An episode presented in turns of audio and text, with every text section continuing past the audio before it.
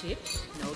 Ming. Oh, lieve mensen, daar zijn we weer. Het is donderdagavond en vanavond voor de laatste keer dat we de kroeg Chipsnootjes bier openen. Tenminste, voorlopig de laatste keer. En wat voor een gast, want hij komt uit mijn eigen stadsie. En dan ga ik proberen op te noemen wat de beste man allemaal doet en heeft gedaan. Hij is socioloog, kroegbaas, politicus, eh, tekstschrijver, presentator op tv, radiomaker, DJ, zanger, acteur ook nog. Je hebt ook nog in een film gezeten. Bovenal is de Utrechter, maar nog meer bovenal een bijzonder eh, fijne vent. Een Utrechts jochie, dames en heren, Henk Westbroek. Hey.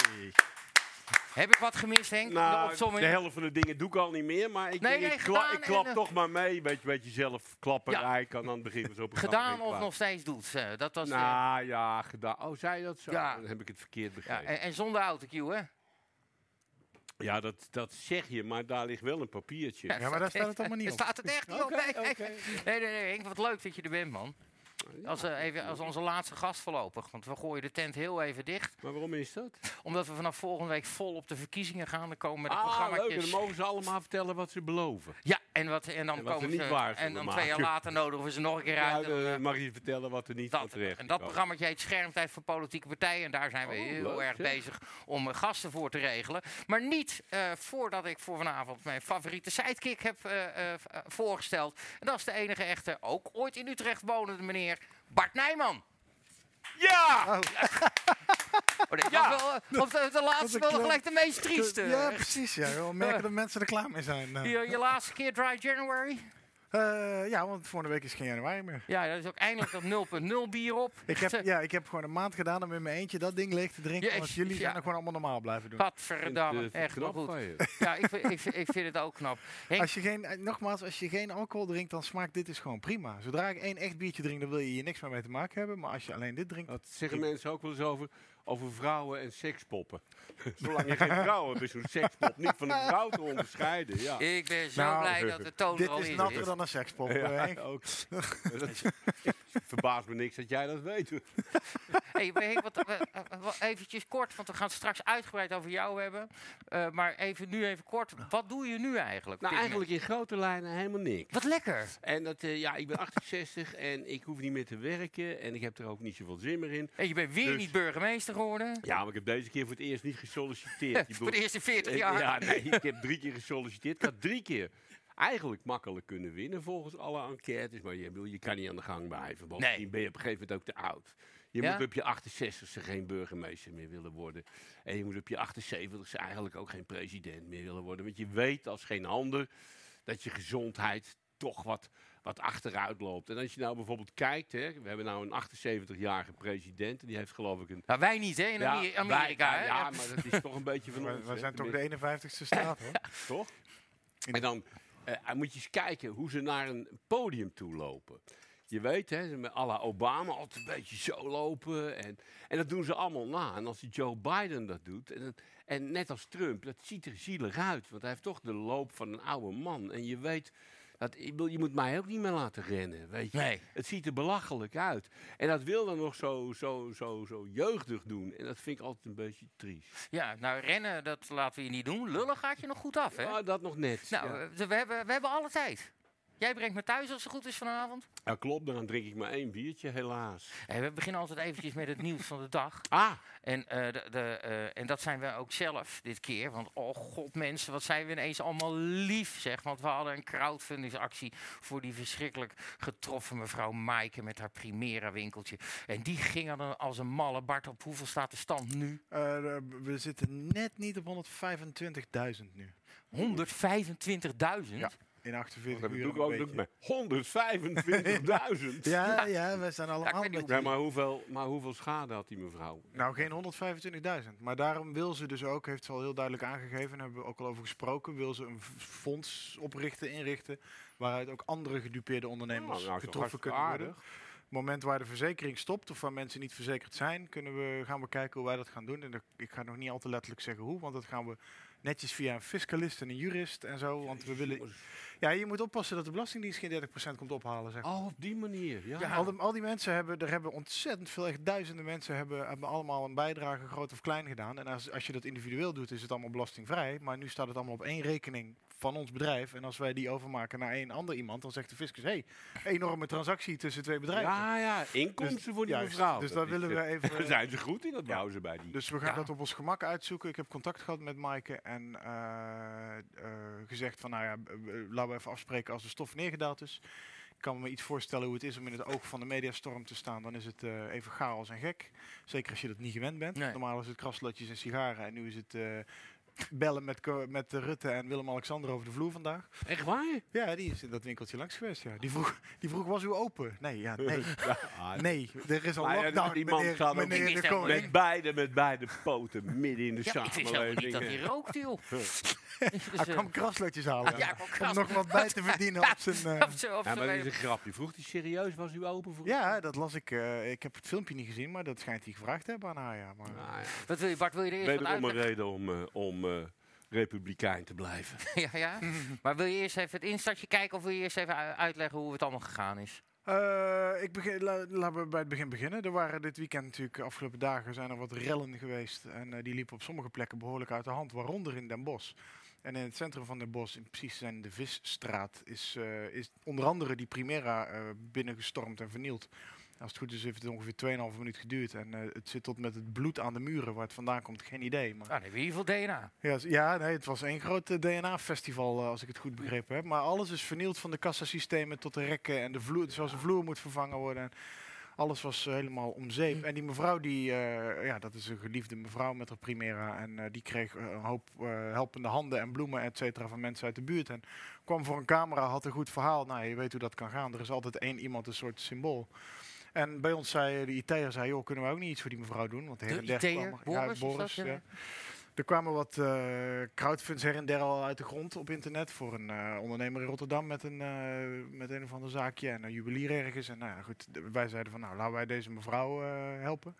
En ja, soms komen die dingen op een bepaalde manier samen dat je dan in één keer een wervelwind van, eh, van aandacht en, eh, en, en aantrekkingskracht hebt. Dat is wel alleen maar sympathiek. Ja, en we hebben een hoop crowdfunds gedaan eh, bij geen Ja. spel. Maar ik heb er nog nooit eentje in 24 uur naar een ton zien rammen. Dat was echt, eh, de- het ging de eerste 10 uur echt letterlijk met 10.000 euro per uur gemiddeld.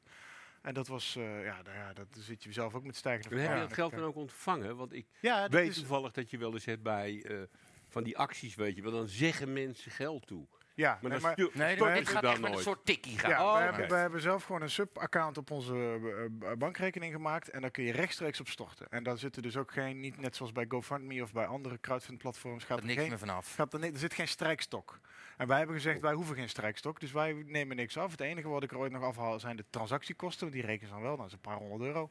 Dat kan wel leiden op zo'n bedrag. En verder is er geen percentage voor ons of zo. Dat is gewoon, het staat op een IBAN geparkeerd.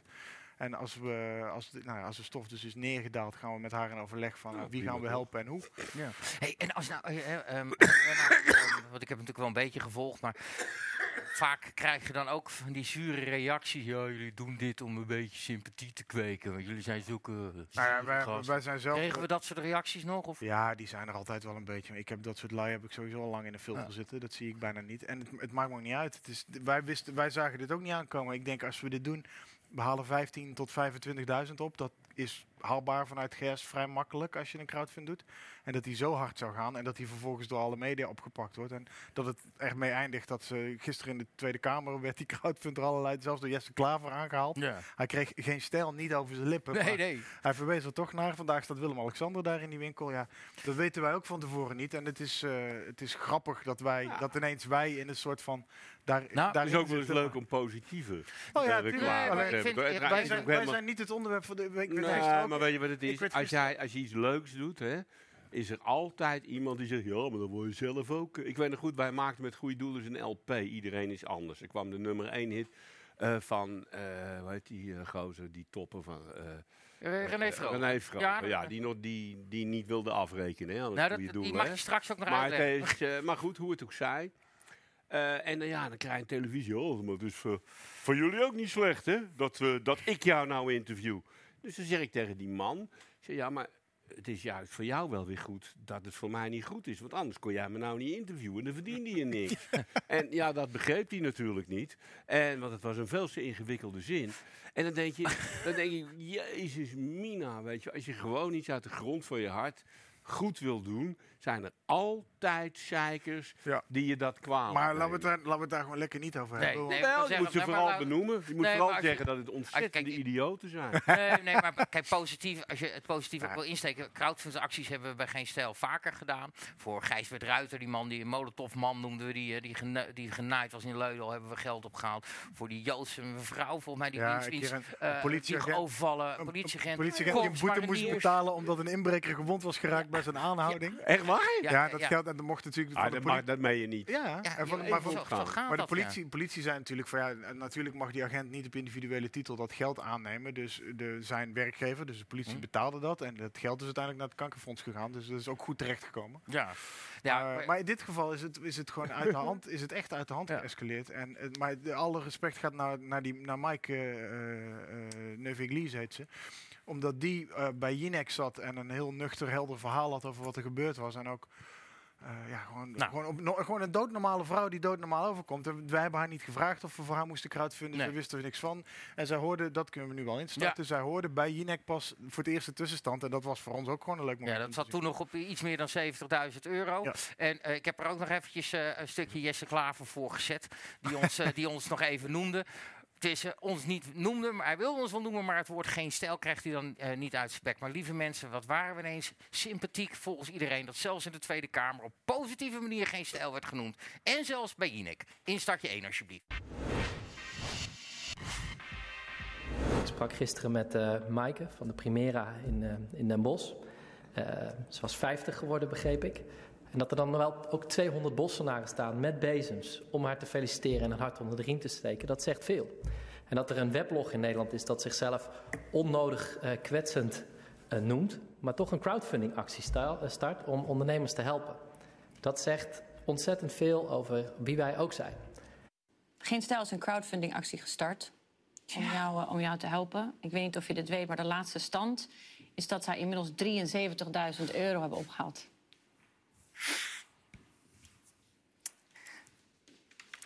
Ik had me voorgenomen om heel sterk te zijn hier aan de tafel. Maar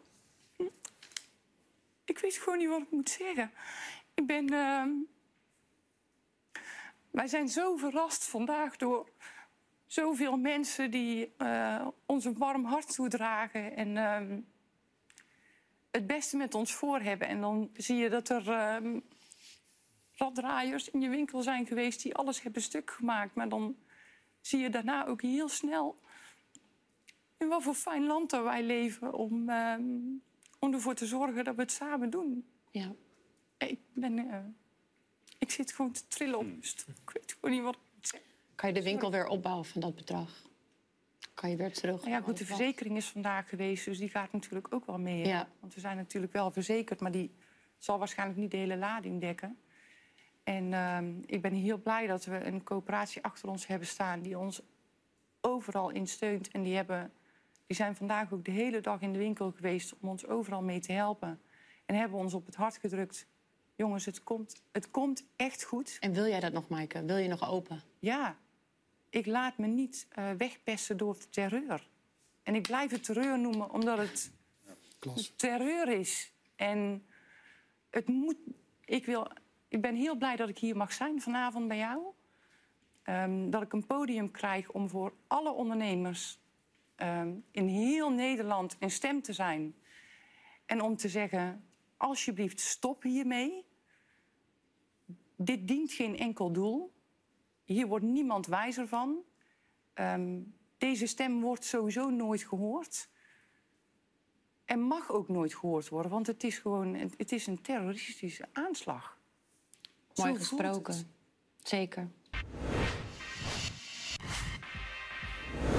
Ja, maar Maaike, eh, het gaat goed. De teller staat nu op meer dan 120.000. Ja. Eh, we gaan het allemaal regelen. We komen vast nog een keer bij je langs ook. eh. in ieder geval succes. Ik begrijp dat er al aardig wat eh, opgeruimd is in Den Bosch. eh. Ja, Maar- ik zag een foto vanmiddag van dat de koning er was. En eh, de grootste rotzooi is al aan de kant in die winkel. Ja, maar omdat de koning kwam, hè? Ja, anders dat- komt hij niet. Die komt, die natuurlijk niet in ik de zwijnenstal Ik zou je staan. vertellen, het is geen grapje wat ik je nu vertel. De koningin, Beatrix, die kwam ooit naar Utrecht. En er was net een hele inventarisatie in de stad geweest over wat slecht bestraat was. Ah, ja, Klinkertjes, ja, ja. En hij ging een route doen, van, of zij ging een route doen van anderhalve kilometer. En dan markeerde niks aan. lag een enkel klinkertje scheef. Helemaal opnieuw bestraat. Want verbeer je dat zij met de hoge hak tussen twee van die klinkers in zou komen. En ineens was het geld ervoor. Hè? Dat, is, dat maakt niet uit, want de koningin komt. En dan, dan krijgen al die, al die lakeien, die krijgen dan echt zo'n zo'n zo'n blik van bewondering. En moet ik op mijn knieën of moet ik, mag ik gewoon blijven staan, maar wel bukkend. En dan daarna nog de En- grond kussen. ja, absoluut. Maar ik moest wel lachen om die, om, om die foto van die Primera vanmiddag. Want Willem-Alexander staat met zo'n grote blauwe, eh, koninklijk blauwe mondkap op zijn hart. en, en er staan vier, vijf mensen in die zaak die allemaal geen... Die, die staan er allemaal gewoon op een normale manier omheen, zeg maar. Dat Ja, vond ik ja. wel grappig. Die man heeft zijn geld ook weer verdiend. Over de koninklijke familie in Utrecht. Je weet toch wel, dat, ze, eh, dat, ze, eh, de, eh, die, dat die koorballen in Utrecht die lopen niet onder de dom door. Omdat er ooit eens een keer een, eh, een, een, een steen op de kop van Frizo of zo is gevallen. Ja, nog ver voor het skiën. En, het, eh, eh, en, eh, en daarom lopen de koorballen eromheen. Dat- ja. ja, maar, maar dat was niet op Friso. Maar weet ik veel wie. Nee, er is ooit, er is inderdaad, de, de, de urban legend is toch dat er iemand van het Utrecht Studentenkoor, of er heeft, ja, er is iemand Nee, van het oh. Utrecht Studentenkoor overleden omdat iemand van de domtoren sprong om zelfmoord te spre- plegen en die viel op die USC'er en daarom mogen USC'ers niet onder die dom doorlopen. Ik heb nog, Ik eh, het heb nog voor de maar- Utrecht Studentenkoor Het gewerkt. zal sowieso niet waar zijn. Er zal wel een of andere domme Ja, dat Nee, wel goed eh, gemikt zou ik Dat zeggen. was maar goed volk hoor. waar je voor gewerkt. Daar heb ik voor gewerkt, ja. Want dan, eh, die hadden, en ik was jong, ik was student. En dan gaven ze grote feesten. En eh, ik, was, ik was barkeeper. En ook tremmer. En tremmers zijn mensen die met zo'n 20 glazen ja? bieren dan nog 20 erbovenop. En dan zonder te vallen. En dan werd je ingehuurd. Dat was zo'n zo'n pool. En dan moest je voor hun werken. Dan moest je bijvoorbeeld, ik zal het nooit vergeten. Dan moest ik met 20 glazen bier naar boven. Er was, dan, was dan zo'n kamer. En daar zat een of ander bestuur. En ik loop daar voorbij. En ineens achter mij vliegen er 20 eh, van die koorballen naar binnen. En die beginnen die andere koorballen helemaal in elkaar te rammen. want het zittende bestuur moest van hun stoelen afgeslagen ja, worden. En ik stond dan zo met zo'n blad bier. En, dat, en ik dacht, nou, ik als eenmaal raakt, dan geef ik hem toch een hoek. Toen ik jong was, deed ik dat soort dingen. En, maar nee hoor. En dan was het gebeurd en dan kwamen ze allemaal een biertje pakken. En ik, wist eerlijk gezegd niet zo goed hoe ik me gedragen moest. Dus dan ging je maar, dan ging je maar weer terug. En dan hadden ze een hele mooie vleugel staan. En eh, daar waren allemaal jassen opgegooid van die koorballen. Op een gegeven moment werd er een bezopen. Of eh, ze waren allemaal bezopen. En die gooide daar dan een fles wodka overheen. Die stak dat in de fik. Dus die jassen gingen branden. Maar ook, ja, in het begin iedereen zo, oh leuk, vuurtje stoken binnen, weet je wel. Totdat iemand op het idee komt om de brandweer eh, te bellen. En slecht toen kwam er zo'n... eh, toen kwam er, ja, ja, tien minuten later was het toch een beetje piep. Want dat brandje werd groter op de een of andere manier. Niet echt groter, want er lagen 50 jassen op en meer konden niet fikken, weet je wel. Ja, die vleugel, maar goed, die kostte maar een ton. Dus ze hebben toch geld zat. Dus een paar minuten later was de brandweer er. En ja, stond daar ook met me. Dus ik dacht, ik ga naar voren om de deur open te doen. Dus er staan een paar van die brandweerlieden, van die hele grote jongens in zo'n, in zo'n ME-outfit, hè, met zo'n, zo'n helm op. En, eh, en zo'n brandspuit van koper in hun hand. En eh, ik doe de deur over. Hè? Ja, ja, ik doe, ik doe de deur open. Ja, toen ik jong was. Ik doe de deur open en achter mij komen drie jongens en die zeggen, ja, jullie komen niet naar binnen.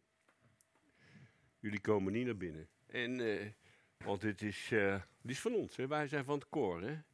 Dus zo'n brandweerman die zegt dan, nou, je, ja jongen, het is mijn vak om branden te blussen. En wij hebben een melding gekregen, hier een brand, dat regelen we zelf weg. Dus zo'n brandweerman die zegt, nou gaan jullie weg. En toen zeggen even jongens, wie wou je ervan meenemen? Kan je je voorstellen als je zo'n stuk koper in je nek krijgt? Van zo'n van zo'n ding? Die lag gelijk gestrekt. En die andere twee, die zaten zo en die jongens die liepen door en dat bleek niet. Die pakte zo'n paar brandblussen, pst, het was klaar, weet je wel. Maar ik vind dat het nog kon steeds nog wel in die tijd. Dat Dan kon je kon iemand nog een hoek geven. Ja, Ja, gingen dat- we niet zeiken. Ja. Nee, maar het grappige is dat tegenwoordig is het, eh, is het toch ook weer, is het ook bij anderen gewoond eh, om, als er hulpdiensten komen, om die mensen het zo moeilijk mogelijk te maken. ja, maar rellen, Henk. We hebben het de afgelopen dagen weer gezien. Wat, wat, wat had jij nou bij die avondklokrellen voor gevoel? Nou ja, weet je, er gaan wat mensen naar buiten omdat ze, omdat ze het zich vervelen en leuk. En dan mag je demonstreren. En we zijn heel stout, want we gaan naar buiten als het eigenlijk niet mag. En die, Die zijn misschien ook tegen de avondklok of nog ergens tegen of ergens voor, je weet het niet. En dan denken de anderen, wacht even jongens, er zijn een hoop mensen bij elkaar. we kunnen ook het, het nuttige met het aangename eh, eh, mixen. Hè? Dus we gaan gewoon even wat, wat looten, zoals dat tegenwoordig heet. En dat is gewoon het getijsem. En waar je ook voor of tegen demonstreert, je hebt altijd 10% die, eh, die denkt van, wacht even, dit is een hele goede reden om, een, eh, om eens even de zwaarma tent eerst leeg te vreten en dan met de grond gelijk te maken. En die heb je. Nou ja, en wat moet je daarvan vinden? Ja, er is natuurlijk niemand die er erg enthousiast van wordt. Maar het Nee, is, eh, tenminste, ik, ik ben ze nog niet tegengekomen. Maar weet je, Maar we, we- de politie deed zijn werk keurig. Ik kan niet anders ja, in zeggen. Utrecht is het redelijk rustig gebleven. Er is weinig gebeurd. Eh, andere steden gingen het wat harder. Hoe vind je dat de politiek erop reageert? Want men schreeuwt Ja, dan moord en brand. altijd. De ene helft roept om het leger. En de andere helft die roept om sociaal werkers. En dan gaan we er met z'n allen over vergaderen. En dan gaan we erover vergaderen als er al bijna niks meer gebeurt. Hè? En dan mosterd, gaan we elkaar van, ik vind dat we het leger in moeten zetten. En ik vind dat we het Europese leger in moeten zetten. Er zit elkaar ook nog eens een keer een beetje over. Let wel, ik heb, dat eh, ik heb ergere rellen meegemaakt. Ja, wat mij opviel, Eh, Henk. Koningsdag 1970. Ja, Toen er bovenop het paleis in de Dam scherpschutters lagen om de mensen dood te schieten, mochten ze in de buurt van de, van, eh, van de koninklijke stoet komen. Dat ging wel even anders toe, zeg. ja. En er waren er ook meer. En dit waren, het, het waren toch ook niet... ja wat- maakt op mij geen gearticuleerde indruk, weet je. Dan zag je dan zo'n joch, die zat zo aan zijn ballen zo. En eh, die kreeg dan een paar rammen van zijn hoofd van zijn politieagent... omdat hij te stom was om te zien dat je ook van achter iemand benaderen kunt. Het waren allemaal niet de slimste.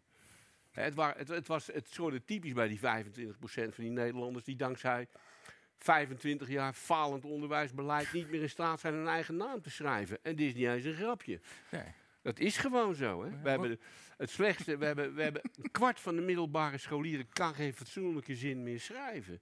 Dat is erg. ja, dat is erg. Dat is echt heel erg. Heeft dat mee te maken, denk je, dat dit gebeurt? Nou ja, het, het, het, ik bedoel, het taal is denken. Als je niet in staat bent taal, je hoeft het niet gelijk te kunnen schrijven, maar als je niet in staat bent om, om woorden in de goede volgorde te zetten en is een mits en een maar en is zeggen van, zei je nou, als je dat allemaal niet kan, dan kom je niet veel verder. Oh, ik ben kwaad! Ja. En daar, daar handel je dan naar. Oké. Ik vond, eh, wat ik typisch vond in Den Haag, wat ik ook wel verwacht had, eh dat was, ben ik altijd op dinsdag, is dat, dat je allemaal dezelfde antwoorden zou krijgen van die politici. Dus, ja, dat het, oh man, dat dit kan niet en dit moeten we niet willen met z'n allen en dat en dat. En eh, toen dacht ik, nou, laat ik eens even creatief gaan monteren en laat ik ze me even flink voorzetten bij de heren in Den Haag. En dan geeft dat in 20 seconden eventjes weer hoe eensgezind onze Kamer is. En dat bedoel ik vooral eensgezind eh, tussen aanhalingstekens, want er komen er toch een partij voor de hand liggen eh, quotes eh, voorbij. In 20 seconden. Hier, instartje 1, de reactie van Den Haag. De afgelopen dagen in Nederland, dat vinden we hier natuurlijk allemaal heel erg verschrikkelijk. Ik vind het verschrikkelijk. Ja, verschrikkelijk. Verschrikkelijk. Verschrikkelijk. Het is verschrikkelijk, man. Het is verschrikkelijk. Ja, verschrikkelijk. Echt verschrikkelijk. Maar ook Weerzinwekkend. Klootzakkerij. Stoort, Klootzakkerij. taalgestoord. Verwerpelijk. Taalkrankzinnig. en natuurlijk ook Waanzin. Geen goed woord voor over. Onaanvaardbaar. Het is echt waanzin. Ik vind het echt heel erg. Ja, vooral Dus Jasper. Ik vind het echt allemaal erg. Ja, maar Ze vinden het allemaal hetzelfde. Hè? dit is... Ik maakte een vlogje over de positieve kant van die rellen. Want die is er ook, hè? Ja? Nou, vind ik wel. Vertel. Nou, we hebben in Nederland hebben we het toch altijd over het feit dat we moeten verbinden. Een beetje burgemeester die, die zegt ik wil bruggenbouwer zijn. Hebben wij het ooit in Nederland meegemaakt? Bruggen bouwen Dat- niemand meer. dat- dus diversiteit is het. Nou, diversiteit ook, maar we willen wel samenhorigheid, toch? We willen, we willen verbinding. Nou, heb jij ooit alle hooligans van Nederland, van die verschillende clubs, die normaal elkaar naar het leven staan, nu eensgezind zien optrekken? Dat is ook een vorm van verbinding. En de uiterst rechtse eh, mensen die je ook hebt, van die, van die kaalgeschoren kopjes, samen met van die, van die, van die, van Zweverige homeopathische hippies. ja, homeopathische en natuurlijk wat allochtonen. Hè, mensen die elkaar vaak niet zo goed uit kunnen staan. Eensgezind Nou, optrekken. Dus dat is een vorm van Ze stonden in verbinding. dezelfde groep, maar ze hadden natuurlijk wel allemaal een eigen rol in Kom die op, groep. dit was ironie, hè? Je moet me niet Oh. te serieus nemen.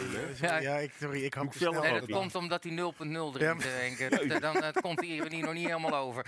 Nee, maar eh, ik vond het in Utrecht ook wel mooi. Er zeiden jongen, jongens, het is allemaal prima dat je gaat demonstreren. Maar als je gaat slopen in, de, in onze mooie stad, dan ben je van mij. Dan ben je van ons. Maar dat eh. was, dat was toch ook een mal beeld. In Den Bosch bijvoorbeeld, dat dan de, de hooligans van FC Den Bosch, die ja, normaal alle drie bedoel je. tegenover de politie staan, dat die nu van de politie oranje hesjes kregen om de politie ja, te ja, helpen. ja, ja, ja. Dat is een mal land, Dus hoor. ook zo'n Hoor je nou bij jezelf wat je zegt? De harde kern van FC Den Bosch. Ze staan ik heb laatst geen in de, in de, in de keukenkampioen-divisie. eh. Ja, maar, maar let nou Nou, op. des te meer reden om een chagrijnig harde kern te hebben, zou ik dat, denken. dat maar- niemand weet dat die hooligans die zich ineens als... Zoals, zoals in de, in de 70 jaren, 60 jaren waren, was de, waren, waren de, de mariniers degene die lange haar... wanneer gaan we naar deze eeuw? Nou ja, ja, Bijna, ja. bijna. Je moet nooit vergeten dat wat er nu is het gevolg is van het verleden. En Dat jij nou toevallig geen historisch besef wenst te hebben, dat moet je mij niet kwalijk Ja. nemen dat ik het wel heb. Hè? het is, nee, maar toen had je van die provo-opstanden en die werden door de mariniers neergeslagen. En nou heb je de hooligans die dus als het ware de taak van de mariniers hebben over... Jongens, maar, luisteren, Maar als er we geen, hebben de politie niet voor niks voor maar als niks. er hè. geen gezag is, dan krijg je dus gelegenheidsgezag. en- Nou, dat is jouw gelijk. Dat moet je niet toeslaan. Dat gelegenheidsgezag. Dat moet je niet toeslaan. Nee, maar dat, daar, dat vind ik dus raar. Ik, bedoel, ik snap wel dat die Den Bosch supporters en op andere plekken zag je het ook een soort van goede bedoeling hebben op die avond. Maar het zijn natuurlijk geen mensen met een opleiding. En je wil als agent toch eigenlijk niet dat. Stel dat staat een, er komt een groepje Marokkaanse jongeren tegenover en die gaan rellen. En dan denken die hooligans zo, vrijbrief om die eens een keer goed aan te pakken. ja. En dan wordt er iemand kort en klein geslagen of in Ja. coma gemapt. En dan krijgt de politie straks de schuld. Want die hebben die hooligans eerst een oranje hesje aangegeven en gezegd: Je bent nu hulpsheriff. Ja. Veel plezier ermee. Dat kan Ja, natuurlijk. maar wij hebben in Nederland natuurlijk een hele rare manier om met de openbare veiligheid om te gaan. Hè. Aan de ene kant moet je echt je best doen om politieagent te worden. En als je daar veel en veel te dom voor bent, dit levert, levert weer, gaat boze reacties opleveren, dan kan je gezagsdrager worden. En dan ben je handhaver. En dan kan je mensen eh, eh, zonder enige vooropleiding, vier weken lang een paar uurtjes in de week, en dan gaan mensen schuiven, het is acht weken, ben je ineens handhaver en dan mag je bekeuringen uitdelen en heel stoer doen. Maar het zijn geen politieagenten, weet je. Politieagenten hebben toch geleerd om een beetje... Dus als het goede agenten zijn, en ze zijn al een beetje ouder... Sorry dat ik naar de vorige eeuw teruggrijp. dan zijn het vaak mensen die toch... Die zeggen van, nou jongens, moet je luisteren. Je moet nou... Je staat hier nou fout geparkeerd en ik begrijp dat je wat aan het uitladen bent. Maar eh, zet hem volgende keer 100 meter verder en eh, schiet even op met het uitladen. Ik heb wat. Jij weet dat, ik- dat ik een zaak had in Utrecht en er was alles afgesloten. Dan kon je nergens parkeren. En dan moest je, de sterven 100, hebben. moest je 100 borden moest je komen brengen. Want iemand had alle borden uit zijn handen laten vallen. Dus nou, dan ga je naar de, de groothandel, koop je 100 borden. Dat is best een hoop. en die zet je 100. dan voor de deur neer, weet je. Tenminste, de auto even om die borden uit. Niks aan de hand, je zat bij niemand tot last. En dan komen er twee van die, van die wijsneusjes zo op je af. Wat doen wij hier? En ik zeg dan altijd, nou, ik ben aan het masturberen. Wat doe jij, joh? en eh, ja, ik, ik, dat taalgebruik kan ik niet tegen. Hè. Wat doen wij hier? Ja, het koninklijk Joh, meervoud. Het koninklijke meervoud. Alsof ik niet zou weten wat ik dat deed. Dat zij het niet weten, dat is mijn probleem niet. Ik zit me weer op te winden. Ja, dat is helemaal goed. Hou het vast. En dan, en dan, nou, dan schrijf, dan ben jij die hond. zeg je, joh, ik ben over twee minuten weg.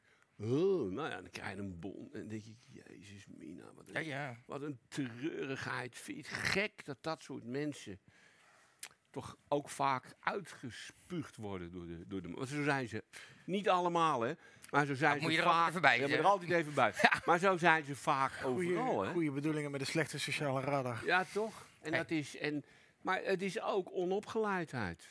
Hè, wij, Ja, ik vind, ik en, vind, het is, en het is wat er gebeurt als je mensen een beetje gezag geeft. Je ziet dat ook. Mijn, tuurlijk. mijn favoriete voorbeeld is altijd als je in een trein gaat zitten, wat, wat je sowieso moet proberen te vermijden. Maar als je in een trein gaat zitten, ga je in godsnaam niet in de stiltecoupé zitten. Want als je onverhoopt gebeld wordt en je hebt niet door dat je in die coupé zit, dan zit er 18 man zit naar zo'n sticker te wijzen om tegen jou te zeggen dat je je mel moet houden. En die sticker geeft ze al voldoende gezag om jou helemaal stijf te Nou schelden. ja, maar het is Ja, is- Doe mensen een uniform aan. Daar zijn Ja, ja, daar- onder de daar ga je- Nee, maar dat moet je doen in, een- in een stiltecoupé. Als je geen kaartje hebt en er komt een conducteur en die zegt, mag ik uw kaartje? Dan gewoon je bek houden. Hallo? En dan wijs je op dat dingetje, weet je. ja, maar wil je dat- kaartje zien, nou, je hoeft, daar hoef je niet bij te praten, Tom. Dan kun je Nee, maar dan je zeg je gewoon niks. Dus je zegt ook niet dat je geen kaartje hebt. Dat Ja. was het idee erachter. Henk, we gaan het over jou Het hebben. werkt niet, jongen, wat, eh, wat je daar Ja. probeert. Nee, maar toch even, het heel even af te maken. Oh, Nou, ik vind het eigenlijk jammer. Je, bedoelt, je hebt Overal privébewakingsdiensten, die lopen met van die grote valse honden rond, weet je. Je hebt handhavers die, zoals jij dat net zo mooi zei, niet erg uitgerust zijn met een sociale antenne. Dus wel eens boos worden zonder daar een goede reden toe te hebben. Geen enkele Beetje, beetje moeite te met context. En dat is een hele vervelende ontwikkeling in de samenleving. Ik vind wel. We hebben de opleiding van politieagenten al teruggebracht van vier naar drie jaar. En dat is best een moeilijk vak, want je moet met iedereen op kunnen schieten. Je moet mensen rustig kunnen houden. Je moet met mensen kunnen praten. Er wordt geleerd dat het laatste wat je doet is slaan. En zo hoort het ook in een beschaafde samenleving. Maar je moet ze wel trainen, weet je. En ja, daar is geen geld meer voor. Ja, en ze zitten de helft van de tijd aan een bureau, et cetera. En, die, en, ze, en dat, Ja. dat, dat gezagsgat wordt steeds meer opgevuld met BOA's en Ja, privébeveiligers. ja, en daar, ben ik geen, daar loop ik niet warm En dus, voor. en dus met de eerste beste keer dat er weer een, een handjevol mensen gaat rellen, dan staan dus voetbalhooligans in een oranje hesje naast de politie. Omdat, ja, dat is, ja, dat is dus... Dat is waar we beland zijn nu, Ja, in maar- deze eeuw ook. Maar dat is, nou ja, dat krijg je nou. Ja, dat Heb je honger, hè? Vanaf, ja. Moet ik even een Ah, pizza bestellen ah, voor nee, je? ik zou je vertellen, ik ben net aan het afvallen. Ik was 115 kilo, ben weer terug naar de 100. Ja, en zo werkt Dan het. moet, dan moet ik dat niet kopen. Nee, nee. Als ik, Het kraakt ook lekker voor zet thuis van mij, in de zet microfoon. van mij, ja, dat- maar als je, moet je ze niet neerzetten. Het heet bi- chips, nootjes Ja, maar de en nootjes zijn op. De nootjes zijn op. Nootjes zijn Zet jij hem dan neer? Ja, ik kan er niet vanaf blijven. Ik merk het. Henk, we gaan het over jou hebben. Oh. Vind je dat een goed idee? Nou, als we, als we het over Wil je er nog een biertje? Nog één biertje? Ja, dat kan nog wel, hè? Moet ik- En, Is is er goed. niet wat aan gedichtendag doen? Ja, dat gaan we ook doen. We gaan eerst wat naar jou doen. lekker. Want, eh, jij hebt gedichten meegenomen. Komt allemaal, we hebben alle tijd. Neem lekker nog even een biertje. Nou, Want ik heb, eh, eh, eh, dat moeten we er even bij zeggen, jij was ooit mijn oude werkgever. Eh, ik heb 6,5 jaar voor jou gewerkt. Je hebt me nooit gezien, hè? Jij was er niet vaak. Ja, vrijdagmiddag om te zuipen. Om Ja. even te testen hoe Ja. ik met de whisky stond. Maar Ja. dat was het dan ook wel. Maar dat was een leuke tijd, de Stairway to Heaven. Die kroeg is inmiddels niet meer. Nee. Dat, is, eh, dat was een rockpaleis, zeg maar. eh, eh, daar hebben we leuke dingen neergezet. Leuke muzikanten gehad. Van de Kings tot aan, eh, hoe heet ze, Alanis Morissette. Anouk, haar eerste echte Ja. optreden. Ja, dat wordt wel heel erg inside. Maar jij, ja, jij kan zoveel meer, Henk. Rob kan met zo- Kicks Radio. Als Kicks Radio heeft er ook gezeten. Ja, echt, dat- dat- Echt, ja. maar ik heb geprobeerd om even wat fragmenten achter elkaar te plakken van jouw carrière in de afgelopen jaren. Oké. Eh, daar zit ook een stukje in van een filmpje wat wij ooit gemaakt hebben. Dat introduceer ik even kort, omdat we getracht hebben jouw bekende grootste hit misschien wel Sinterklaas, wie kent hem niet. En natuurlijk Zwarte Piet. Abba. Om die aan te passen naar... eh, Oh eh, ja, ja, dat was lollig. Dat was lollig, daar heb ik een klein Heb uitgepakt. opgenomen op, hè? Ook, hè? en dat, uitgebracht. ja, ja, dat weet ik. Daarom kwamen we toen een filmpje maken om dan geen Zwarte Piet erin te gebruiken. Dat, eh, maar ook dat mislukte. Eh, dames en heren, in drie minuten eh, een, ja, in vogelvlucht, een, eh, hoe noem je dat? Een impressie van Henk Westbroeks carrière. Instartje 3.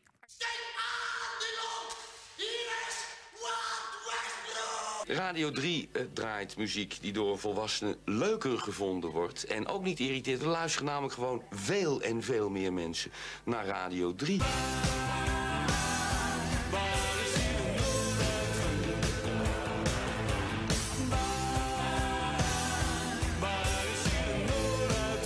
Jij bent bekend van veel. Bijvoorbeeld ook van Sinterklaas, Sinterklaas en natuurlijk Zwarte Piet. Ja, ik heb eh, inderdaad een grote poging gedaan om de slavernij te herintroduceren in Nederland. Pepernoten, pepernoten, pepernoten, pepernoten. Maak een soort van grapje over die zak van rode Piet. Maar Sint die heeft het blijkbaar druk, want antwoord krijg ik niet. Oké, hou maar weer op. De telefoon staat nu echt rood gloeiend. Eh Indianen aan de telefoon, dit is discriminerend. Chinezen, Russen eh, vinden het allemaal... Communisten dus. Communisten. Ook dit kan niet, mensen. En Hans Pekman waarschijnlijk ook. Hans aan de telefoon inderdaad, die wil zijn ja. trui terug. Elk woord kan tot scheldwoord verworden.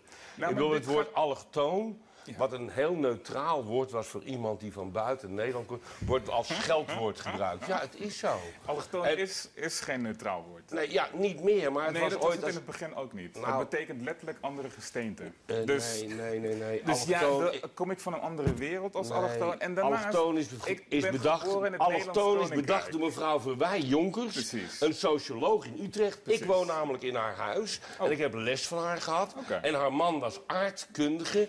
En het woord allochtoon, wat een steenlaag betekent, was om duidelijk te maken, die loopt onder heel Europa, dat de mensen die van buiten Nederland kwamen, terug er eigenlijk altijd al. Henk, even terug- even terug Kortom, ook hier weet je alweer niks vanaf. Wat kan Henk nu eigenlijk achter het stuur? Zo, kijk. Meen je dat? Nergens over lullen. Het is, het is maar een Henk. Bent u voor of tegen pesten? Ja, meneer. Ik kan toch nooit voor pesten ik, zijn? ik bedoel, ja, Nou, nee, ik ben, ik ben ontzettend voor pesten. Ja, ik bedoel, is nou voor een ontzettende, voor een ontzettende rare vraag? In het café van Henk Westbroek bestelde een 17-jarig meisje een wijntje. Kreeg ze van de barman en Henk Westbroek kreeg 1300 euro boete. Zo, proost! Ja, dankjewel. Ja, ik ben boven de 18, dus mag. Die kids van 17, die beginnen al te lallen na twee biertjes. Oh, wat ruik je ook kut lekker naar bier als je er vijf op hebt. Jij bent toch 22 winnig hoor? Eén keer trek je je conclusie. Zonder vrienden heb je geen ruzie.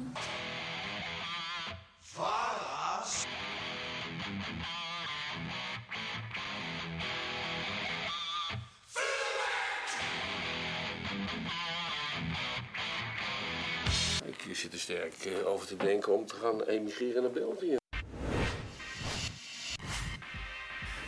Heb je daar eh, lang dat, over dat lieve mannetje, Ja. dat is je kleinzoon. Ja. Hè? En die had zijn eigen tekst gemaakt op vriendschap. Ja, ja, ja, ja. Wat zong die nou?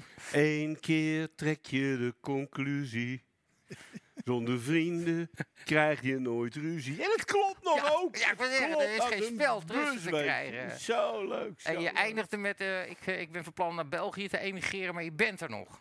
Ja, nou ja, dat was een grapje. Weet je, mensen hebben wel eens de neiging, de neiging om me iets serieuzer te nemen dan ik mezelf neem. en het is... eh, maar je wordt er soms wel moe van in Nederland. Hoor. Jezus, Mina nog aan toe. Wat een, wat een ellende allemaal. Allemaal gezeik om niks. Ja, jij wil, Allemaal het, gezeik jij wil het over gedichtendag hebben. Die Quincy Gario waar je daar tegenover Ja. zat, dat, die noemt zich ook dichter, hè? Die is dichter, ja. Heb je ooit een gedicht van hem gelezen? Ja. Ja, nou, hij heeft er vier gemaakt in zijn hele leven. Er is geen zin die loopt. En er zitten, nou, qua grammaticale fouten, de 200 eh, eh, schrijvers van de speeches van, van, van de burgemeester van Utrecht kunnen allemaal beter schrijven. En die kunnen echt geen rechte zin maken. Het is zo treurig. En dat is dan dichter. En die mag dan ook, en die wordt ook zo geïntroduceerd. Net als Aquasi, die is ook dichter, hè? Ja, Woordkunstenaar. woordkunstenaar. Hij kan namelijk niks verwoorden zoals en hij Jerry, bedoelt. Af- Jerry Afri is ook al Die dichter, kan helemaal niks. Nee. Wat hebben we ineens veel dichters in Nederland? Ja, maar weet je, het is, het is natuurlijk heel... Dichter heeft wel een zekere status. Als je zegt, ik ben dichter, dan ben je toch ook een beetje een diepe denker. Iemand die, die Dat met zeg- woorden dingen zeggen kan die een normaal mens niet zeggen kan. Dus je bent iemand, hè? En ja, en iedereen mag zichzelf dichter noemen. Het is eigenlijk net eh, fysiotherapeut. Dat is geloof ik wel een bescherming. Ja, wel, die wel. Ja, journalist. Maar, eh, journalist, ja, Ja, iedereen mag zichzelf journalist Zanger. noemen. Ja, daar Ja. heb je ook niks voor te kunnen. En is in het levende bewijs. Maar het heeft... eh, en dat zijn natuurlijk... Dus die jongens die gaan op de borst kloppen. En dan denk je, joh, doe mij eens een mooi gedicht dan van jou. Hè? En niks. Gewoon. En niemand die ooit zegt... Ik heb nog geen kritiek gelezen, in heel Nederland niet, op de gedichten van de genoemde mensen. Want, ik bedoel, dat durven ze niet. Nee. Want dan ben je een racist. Maar als ik zoiets zou schrijven, zouden ze me met de grond gelijk maken. En zouden ze nog gelijk hebben ook. Ja, Henk. Ik heb trouwens een mooi gedicht meegenomen. Nou, hoor. lees er eentje Want er voor. was vandaag een spoeddebat. En het ging In vandaag... Utrecht? Of? Nee, in Nee, Nederland. oh, in Nederland het ging over... eh, ja, het ging over iets. Oh. En, eh, en dat hoorde ik net op, op, op de radio. Dus ik heb gauw even gezocht. En eh, het g- was ook iets in Artes. Dus ik heb iets... eh, Heb je zelf gedicht? Nee, nee, nee, nee, iets van Jan Boerstoel. wel Oh, mooi. ja. Je zou je regelrecht in Artes wanen. Een kleine kikker kwaakt en blaast zich op. Luid toegejuicht door kippen zonder kop. De ezels huilen krokodillentranen. Een zevenslaper zit discreet te snurken. Een zwarte kousen kraaikras. Ach, en wee. De ratelslang heeft weer eens geen idee, maar wijt in stilte alles aan de Turken. Zie daar een blik in lands vergaderzaal. Het onderwerp is de cultuur ditmaal. En voor de cultuur kun je dus alles nemen. En het is, eh, ja, het heet spoeddebat. En is precies wat het is. En dit schreef hij heel lang geleden, 2000 geloof ik. Tijdloos dus. Misschien wel in, uit vorige eeuw. En dat is een prachtig gedicht. En dat is goed van taal, goed van idee. Ja, maar Jan Boersel is een een- taalkunstenaar. een zekere kennis van de biologie. Ook dat nog. hè? En, en nee, maar weet je, en dan denk je, oh, ik wou, dat, ik wou dat ik dat maken kon, weet je. En, maar je wordt toch niet blij van, van waar we het net over hadden. Al die, al die types die niks kunnen. En, en zo op... ik ben Maar, waar- dichter, maar waarom kan krijgen zij volgens jou zoveel aandacht dan? Dit soort Nou mensen? ja, moet je luisteren, het- dat weet ik ook niet. Omdat, ook een beetje uit angst. Kijk, als je één keer zegt per ongeluk, als je één keer een slecht grapje maakt over Aquasi. En zo sterk was dat, knapje, eh, dat grapje van, van, van, eh, van eh, Derksen. eh, Derksen niet. Aquasi. En let wel, en let wel. Iedereen maakt wel eens een slecht grapje. De enige die nooit een slecht grapje maakt, is degene die nooit grapjes maakt. Dus ja, en daar zijn er zat van. En die zeggen dan, hoe, dat vond ik niet goed, dat grapje. Dus dat was niet zo'n goed grapje. En daarna kwam de hele wereld in opstand. Hij moest, hij moest van allerlei mensen van de televisie Ja, af nee, ja. gevierendeeld worden. En die qua Aquasi ondertussen, die bejegent journalisten... die op een manier die werkelijk ongehoord is... die liegt en bedriegt alles aan elkaar... en niemand durft er echt wat van te zeggen. Ze durft Niemand- niks aangifte te doen, joh. Nee, maar wa- en waarom niet? Omdat je dan in de hoek terechtkomt van... oh, je bent een, eh, een raciste. En niemand wil dat over zich afgeroepen krijgen. Ik ook niet trouwens. Inmiddels weet is het je. al zo vaak en zo makkelijk geroepen dat het ook niet zoveel waarde meer heeft. dat- dat is het hem, Dat maar- is natuurlijk het werkelijke gevaar is een beetje dat het woord op een gegeven moment niks meer waard is. En dat op een gegeven moment, als iedereen een racist is, is niemand het nog. Ja, ja, dat is helemaal waar. Maar ik bedoel, kritiek erop. Ja, je bent een racist of een seksist of je bent niet woke genoeg. En iedereen, of iedereen, veel mensen zijn doodsbang voor de stille publieke opinie. Dat wil zeggen de publieke opinie van hun eigen achterban. Hè, je dat, dat iemand is, iets zou zeggen wat hun eigen achterban niet zo prettig zou vinden. En eh, ik snap dat wel. Want ik heb dat ook, hou ook wel eens rekening. Dingen, ah, beter niet zeggen, vindt mijn vrouw niet leuk, weet je. Maar eh, bij wijze van spreken. Want ze is- Engels, dus ze let toch nooit op wat ik zeg. En, Ja, maar niet- eh, niet waar, Julia, en- schat. Jawel, maar weet jij, het was een- jongen, dat moet me niet te serieus nemen. Nee, maar hoe het ook zij, hoe het ook Ja, zij. jij tuint er ook een je hebt, Ja. je hebt, Ja, je ja, hebt, je zeker. hebt van die, je hebt van die mensen. En dan denk ik, oh mijn god, weet je. Dan zegt die, die Aquasi, die, die pakt dan weer journalisten aan. En als ik het zou doen, zou ik gevierendeeld worden. Ja. Als, als, als Johan Derks het zou doen, zou, zou, zou, zou de, de ME op hem afgestuurd worden. Of de hooligans. We leven in de moderne tijd. En, eh, en dan zie je dan in mijn Volkskrant, wat is mijn ochtendkrant, zie je toch mensen, ja, ja, ja, je moet het wel in zijn perspectief zien. Hè.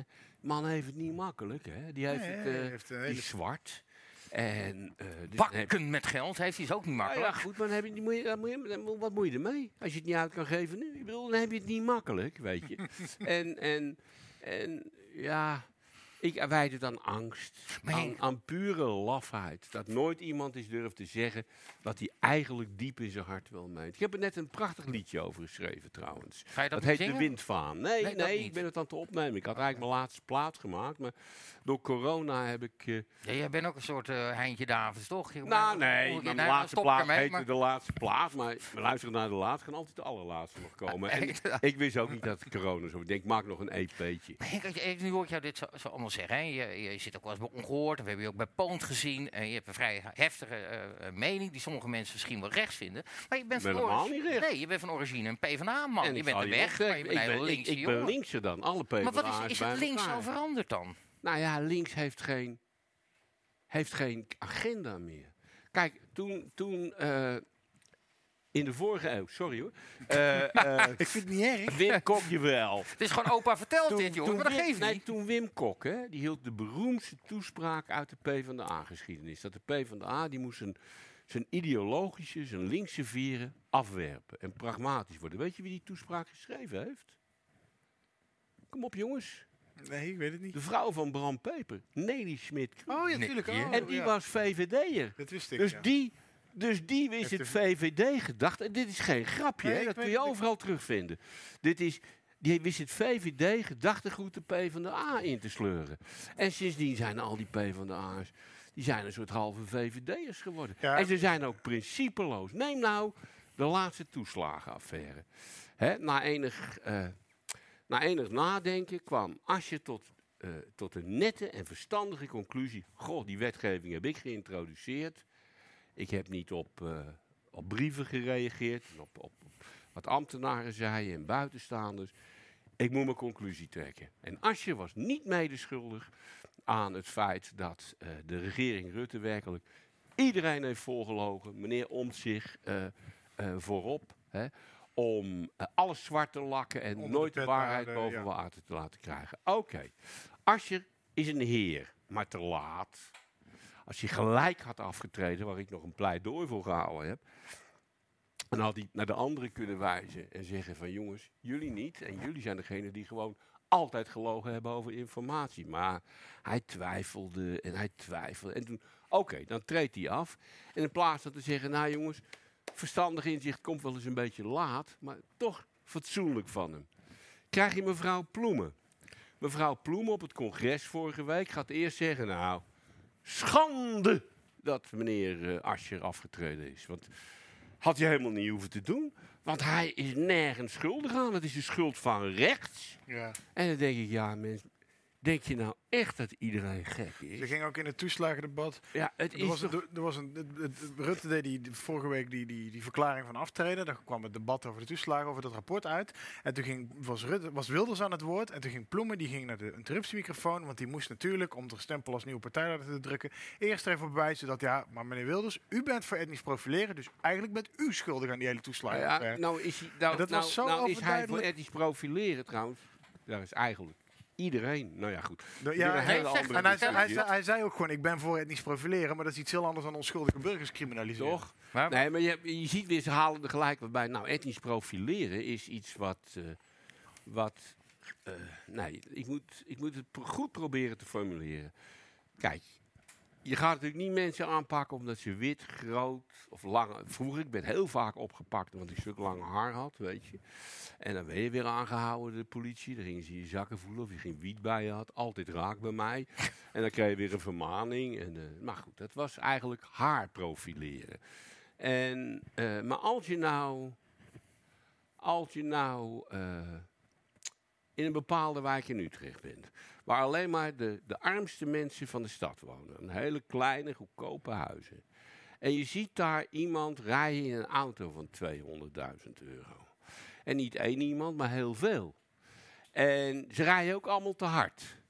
En eh, ze hebben ook wel eens een neiging, die dan, hè, die andere keurige mensen. En, eh, en, en ja, die dure auto's zit ook nooit een knipperlicht op, want dat gebruiken ze niet. En je houdt er dan één aan, je rijdt te hard, dan mag ik even kijken, hoe kom jij eigenlijk aan die auto? Ja, je kan het etnisch profileren noemen, je kan het ook je verstand gebruiken En een, op, een optelsom van factoren. Het is Het niet is alleen maar het is de de- bestuurder. Je zegt het is het helemaal goed. Het is een optelsom van factoren. tijdstip, locatie, rijgedrag, eh, merktype, prijs van de auto. En dan ook nog als het achter het stuur. Toch? Ja. En, en, en, maar ja, als, nou- als je, tot Maar al- als je dat nou reduceert tot iedereen die aangehouden wordt, wordt aangehouden omdat hij lichtbruin is. Lichtbruin, dat is dat, dat- wat schandelijk zou wezen. Maar als je daartoe reduceert en ook vindt dat dat verboden moet worden om mensen aan te houden die lichtbruin zijn, of zoals het tegenwoordig heet, van kleur, dan heb je ze gelijk allemaal, weet je. en, Behalve de eh, witte mensen, hè, die vallen dan weer niet onder van nee, kleur. het is, eh, ja, oh ja, dat zeg je heel goed, wit. Want als je blank zei, had ik je gelijk Ja, nee, dan, eh, nee, dan komt er hier, dan komt er hier, komt Quincy Komt de van racismepolitie van, van. Denk, die komt langs. Hè? Je weet, Ja. Denk Ja, van ja. nu de racismepolitie, hè? Ja, Eh, dat ja, is, ja. eh, dus die komen dan langs en dan zo, ik ben van de racismepolitie. Zo, meneer Staal. Bent u een racist? Jazeker. Dan zijn we eruit. nee. En, eh, nee. Maar de meeste mensen zouden de neiging hebben om te zeggen nee. En ja, nou ja, als je dan nee zegt, is dat een teken van schuld. Net als in tijden van de... Zo, van- meneer Staal, u bent een spijker en ik ben een hamer. Komt ja, u maar mee. Ja, ja, maar het is echt. En dat zit in de Tweede Kamer. Hè? Ik bedoel, dat ze, we hebben een tijd Maar dat gehad. mag- dan dat mag ik- ook. Het moet dan nou wel ga ik- weerwoord nou ga ik, krijgen. dan ga ik heel, heel ver terug in verder. het verleden. Twee eeuwen? Maar we hadden nou een paar... Interbellum? Toen hadden we, toen hadden we heksenvervolging. Ja, nog voor en als je aan een heks vroeg, werd gevraagd, bent u heks? Als je zei nee, was je schuldig. Ja. En het is geen grapje? En dan moest je bewijzen dat je geen heks was. Blijf maar drijven. En bij Denk moet je nu ook bewijzen dat je geen racist bent. Dit is echt niveau heksenvervolging. En die mensen zitten in de Tweede Kamer en die durven zichzelf nog links te noemen ook. Dat soort links. Ja. Daar doe ik een plak op van hier tot Japan. En die pakken samen in de peilingen 40 zetels, dus die stellen ook eigenlijk helemaal niks voor. Nee, vier bedoel je. Eh, nou, die, die links... Ja, nee, denk inderdaad. Ja, maar ja, maar je- nee, maar weet je, kijk, ik heb natuurlijk een zwak voor links. Hè. Ik wou dat links weer links was. De enige partij die nog een beetje links kan noemen, en daar stem ik dan ook op, is. Ook niet helemaal mee eens, maar ik ben het met niemand helemaal eens, zelfs met mezelf niet. is, het, eh, is de SP. Want als je nou moet kiezen. Als ik nou. Ik ga dit jaar op de SP stemmen. En waarom? Je kunt om twee redenen op een, op, op een partij stemmen. Op. wa- Op, op wat ze gedaan hebben of, op wat ze beloven? Nou, wat ze beloven maken ze nooit waar. Want die moeten al. Dus ik op wat ze gedaan. Die Renske Leijten. Ja. Die heeft het goed gedaan in die toeslagenaffaire. Samen met meneer Omtzigt. En Renske Leijten vind ik net iets leuker. maar meneer Omtzigt is. eh, ja, hoewel die echt. Ik bedoel, chapeau, petje af.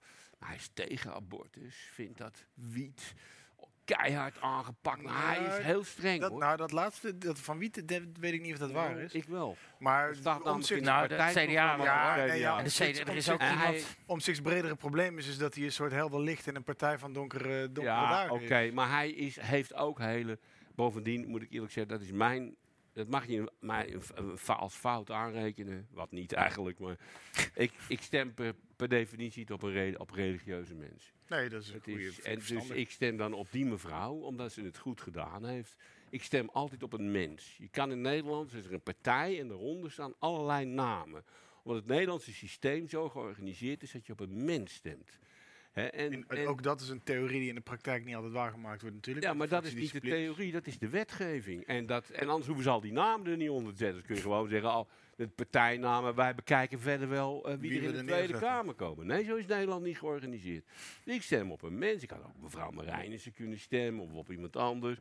Eh, bovendien, en ik wil hier nou geen propagandaplaatje voor de SP van maken. Het is de enige partij in Nederland die eh, fatsoenlijk opkomt voor de belangen van popmuzikanten. Geen enkele andere doet dat. Even nu je dat eh, aanstipt, eh, opkomen voor het belang van popmuziek. Ben je nog bij Buurman Stemra? Nee, dat ben ik. eh, Ja, nee, ik, ik ben eerst gedegen. Ik heb, ik heb daar echt helemaal niks bereikt. Maar Joh, ik- je bent niet de enige. Nee. één directeur die had bereikt dat hij, eh, dat Ja, hij via wat omwegjes zelf geld kon verdienen. ja, nou ja, Och, nee, God, maar oh, die, die, nee, maar die, die is nu. nee, dat, is, ah, maar dat, is, nou, dat interesseert verder ook niet meer. Nee, het is even leuk om te vertellen dat op een gegeven moment liep het zo uit de klauwen daar. Dat eh, twee van de drie directeuren, die, daar kwam een onderzoek tegen. En, eh, eh, dankzij een, een klokkenluider. En ja, twee van die drie directeuren, nou, één daarvan, die juridisch directeur, die had zich heel onzindelijk gedragen, zou ik maar zeggen, volgens Die ander was gewoon, die deugde niet. Ik zie dat hij, dat hij wil gapen, dus ik doe het niet goed. Maar goed, hoe het ook zij. Nee, dat, dat Het ligt, heeft, ligt eh, aan mijn lange dag. Toen niet kwam, er, een- toen, kwam er een an- toen kwam er een ander onderzoek, want dit was natuurlijk heel pijnlijk. Want het betekent ook dat de toezichthouder het allemaal goed gevonden had. Nu ging de toezichthouder, die ging een, een, een, een onderzoek eh entameren, zoals het heet. En wat ik je nu vertel is, kun je zo nazoeken op internet. Ik heb er hele columns over gedaan. En die namen een onderzoeker in dienst, die terwijl die de Buma Stemra onderzocht, op wereldreis was op zijn fiets. ja, dat is waar. Dus die deed ja, ja, onderzoek al fietsend vanuit China. En nou, je, je lag je kapot. En die kwam tot de conclusie dat, eh, dat de, de directeur Financiën weliswaar volstrekt onbekwaam was, maar niet corrupt. En dat die andere, nou, daar helemaal niks aan de hand. Het gevolg is dat ze alle twee nu zijn opgerot. Want ja, je moet je dan toch lozen. En een daarvan is nu directeur van de Norma geworden. Kijk. En de Norma is voor de, voor de, is voor de uitvoering. Hè? Dat is voor, voor, voor, eh, ja, voor, voor muzikanten, maar ook voor alle mensen die acteren en zo. En het is een chaos daar, een chaos. En die staat nu onder eh, verscherpt toezicht van de toezichthouder, de rijkstoezichthouder, omdat het een chaos is. Want voor elke euro die ze binnenkrijgen, dat zijn er heel veel, eh, weten ze maar voor 33 cent hoe ze het moeten uitkeren. Maar ze zijn verplicht om het uit te keren. Ze geven het maar een beetje weg. Dat is geen grapje wat ik vertel. Kun je er, krijg je er nog wat van binnen? Ik krijg daar wel wat van binnen, ja. Ja, maar is dat eh, iets waar je zegt van daar kan ik van op vakantie? Nee, of, eh, nee, nee. Ik, ik, ik ben natuurlijk geen acteur en zo. En, en, Nee, maar je hebt natuurlijk, maar ik bedoel met, bij de Buurman Stemra van al jouw liedjes Ja, oh, hebt dat wel. Ja, oh, dat, dat, dat, Ja, dat dat, is een minimumloon. Ja? Ja, nog Per maand gewoon? Nee, per jaar. Oh, per jaar, oké. Maar dan minimumjaarloon. Maar een minimumloon per maand. Dat krijg ik nog steeds binnen. Dus je krijgt dan, eh, oké. oké, dat is Ja, met stemmen. eh, het is, vroeger was dat een eh, modaalloon. En- Maar nu we het toch over, eh, over muziek hebben. Jij bent een grote rockman. Want je had Ja, ooit ik- Farah's vuurwerk. Hoe is het met de rockmuziek? Ja, die is helemaal uit, hè? Ja, ja die eh, had een rockcafé. Nou ja, god, ik heb er zelf een programmering er gedaan. En, eh, en gedj'd heb ik er. En eh, in begintijd stonden de Ja. rijen echt eh, voor de deur. Ik weet het. En op een gegeven moment... Dat is feest. En op een gegeven moment toen hield het op. En toen heb ik het nog vijf jaar volgehouden. Toen dacht ik, dit gaat niet goed. Nee. Dus we hebben het maar omgebouwd naar een algemene tent. Ik vond het helemaal niet leuk meer.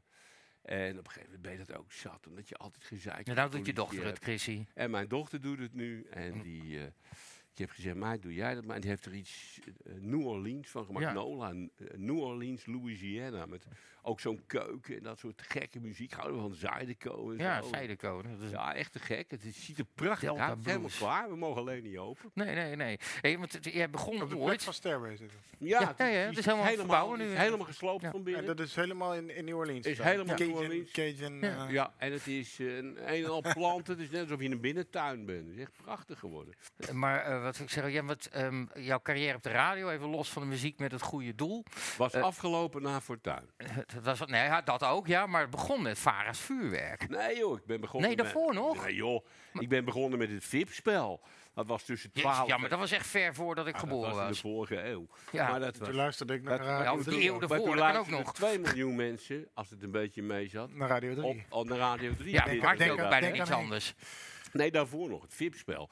Een heel simpel idee. Je draait drie, tien platen en aan de titels kun je, kun je afleiden wie ik als gast heb. Dus ik heb nou, van, van Harry Moelis tot, eh, tot eh, nou ja, je kan het zo gek niet bedenken of ik heb ze weer gehad. En daar deed ik dan een interviewtje mee. En, eh, en dat was echt een heel leuk, heel leuk, heel goed beluisterd. En later werd dat Denk aan Henk. En, ik- maar, en, en, en, Dat was op en vrijdag altijd, toch? Nee, denk ik even elke Nee, dag. nee, joh, Eh, dat is een tijdje elke dag geweest. Ja, maar Nee, en is de waar. Dat de VARA dinsdag en later werd dat horizontaal. Ja. en de enige reden waarom ik dat deed, van maandag tot, tot en met tot vrijdag, Ja. is omdat Jack Spijkerman niet wou. Want zo geliefd was ik niet bij de VARA. want ik heb altijd, nee, ik heb altijd gevonden, dat meen ik serieus. Ik bedoel, ik kan wel gaan zitten kankeren op Jesse Klaver en of, nee, op, op, op Rutte en op al die rechtse rakkers. Maar ik kanker eigenlijk veel liever op de mensen waar ik vind dat Meer ik een natuurlijke verbinding mee heb. Ik bedoel, daar heb ik nog wat van te hopen. Hoop je dan maar. Ik, nee, ik geef liever kritiek op Jesse Klaver eh, dan op eh, ja, Rutte. Ik bedoel, er is, er geen redden wat, aan. Wat verwacht je van Jesse Klaver?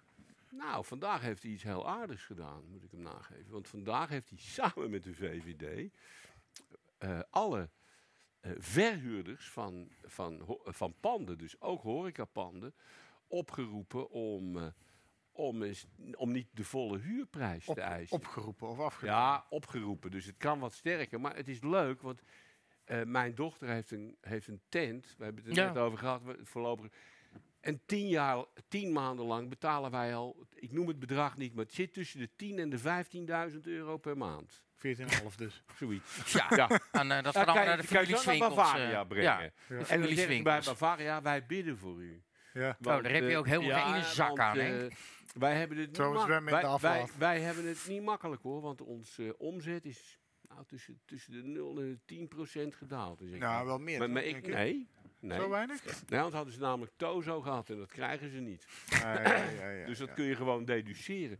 En dan denk je, ja, maar mijn omzet is, is, Is, is met 100% gedaan. nou 0%. En sterker nog, de, de, de kosten zijn gebleven. ik, ben, er- ik word al 25 jaar door die jongens uitgemergeld. Want als, je, als er een bierbeding op een, op een tent zit, ben je verplicht om het bier en de fris bij hun in te kopen. ja, ja.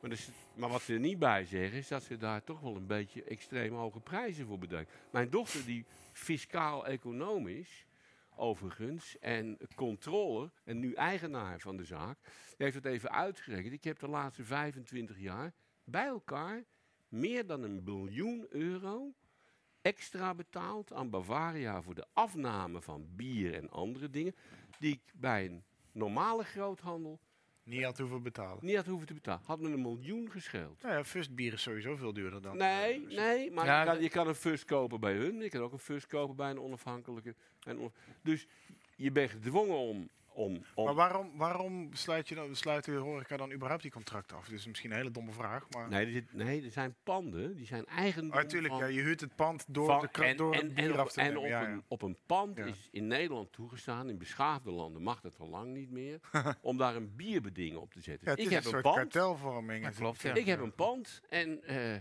Als jij daar wat wil doen, dan zeg je ja. En op het pand, als je bier wil gaan verkopen, moet dat Grols, Heineken. Maar of- dat Dit pand is ook van Bavaria. hè? Tuurlijk Dus is ja, het ook ja. van hun, ja. Ja. Maar, Maar, het, eh, ook als, je, maar- als het, pa- het pand eh, niet van hun is. Bierbedingen, of dat nog zo is, weet ik niet. Maar vroeger als je geld nodig had, dan zei je, nou... Ja, dan ga je naar de- dan ga je- dan ga je naar een brouwerij. ja. Ik wilde wel een bierbeding opzetten, dan moet je me geld geven. Ja, ja. Nou, deze dan. Hey, maar dat, eh, als we dan toch bij, eh, bij beleid zijn voor de horeca in Nederland, eh, vind jij dat de kroegen gewoon weer open moeten? Nee. Nee, dat dan weer niet. Nou, maar luister, ik behoor zelf tot de mensen die, zoals mijn longarts tegen me zei, ik heb een hele zware astma. Joh, als jij COVID krijgt, dan is het tussen zes plankjes wegdraaien. Nu beginnen er dragen, nu beginnen er heel veel mensen zo you know, te bidden. Je weet maar nooit. Je hoopt, het, maar je hoopt het. het heeft. eh, nou ja, ik vind, er is een beleid ingezet. En, en dan kan je op een gegeven moment niet meer terug. Hè?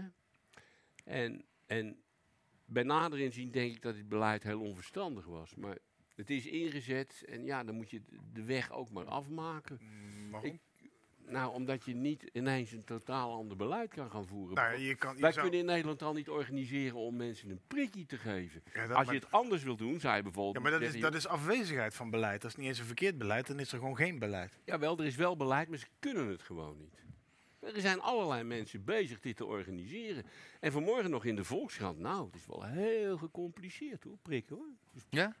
Het is een heel, heel complex We geven probleem. al decennia lang ieder jaar de half Nederland een griepprik, maar dit krijgen we niet ja, op elkaar. Nou, nee, maar het is. En als je dan naar Engeland kijkt, weet je wel, die, de, die er vandaag weer 425.000 deden. Vandaag, hè?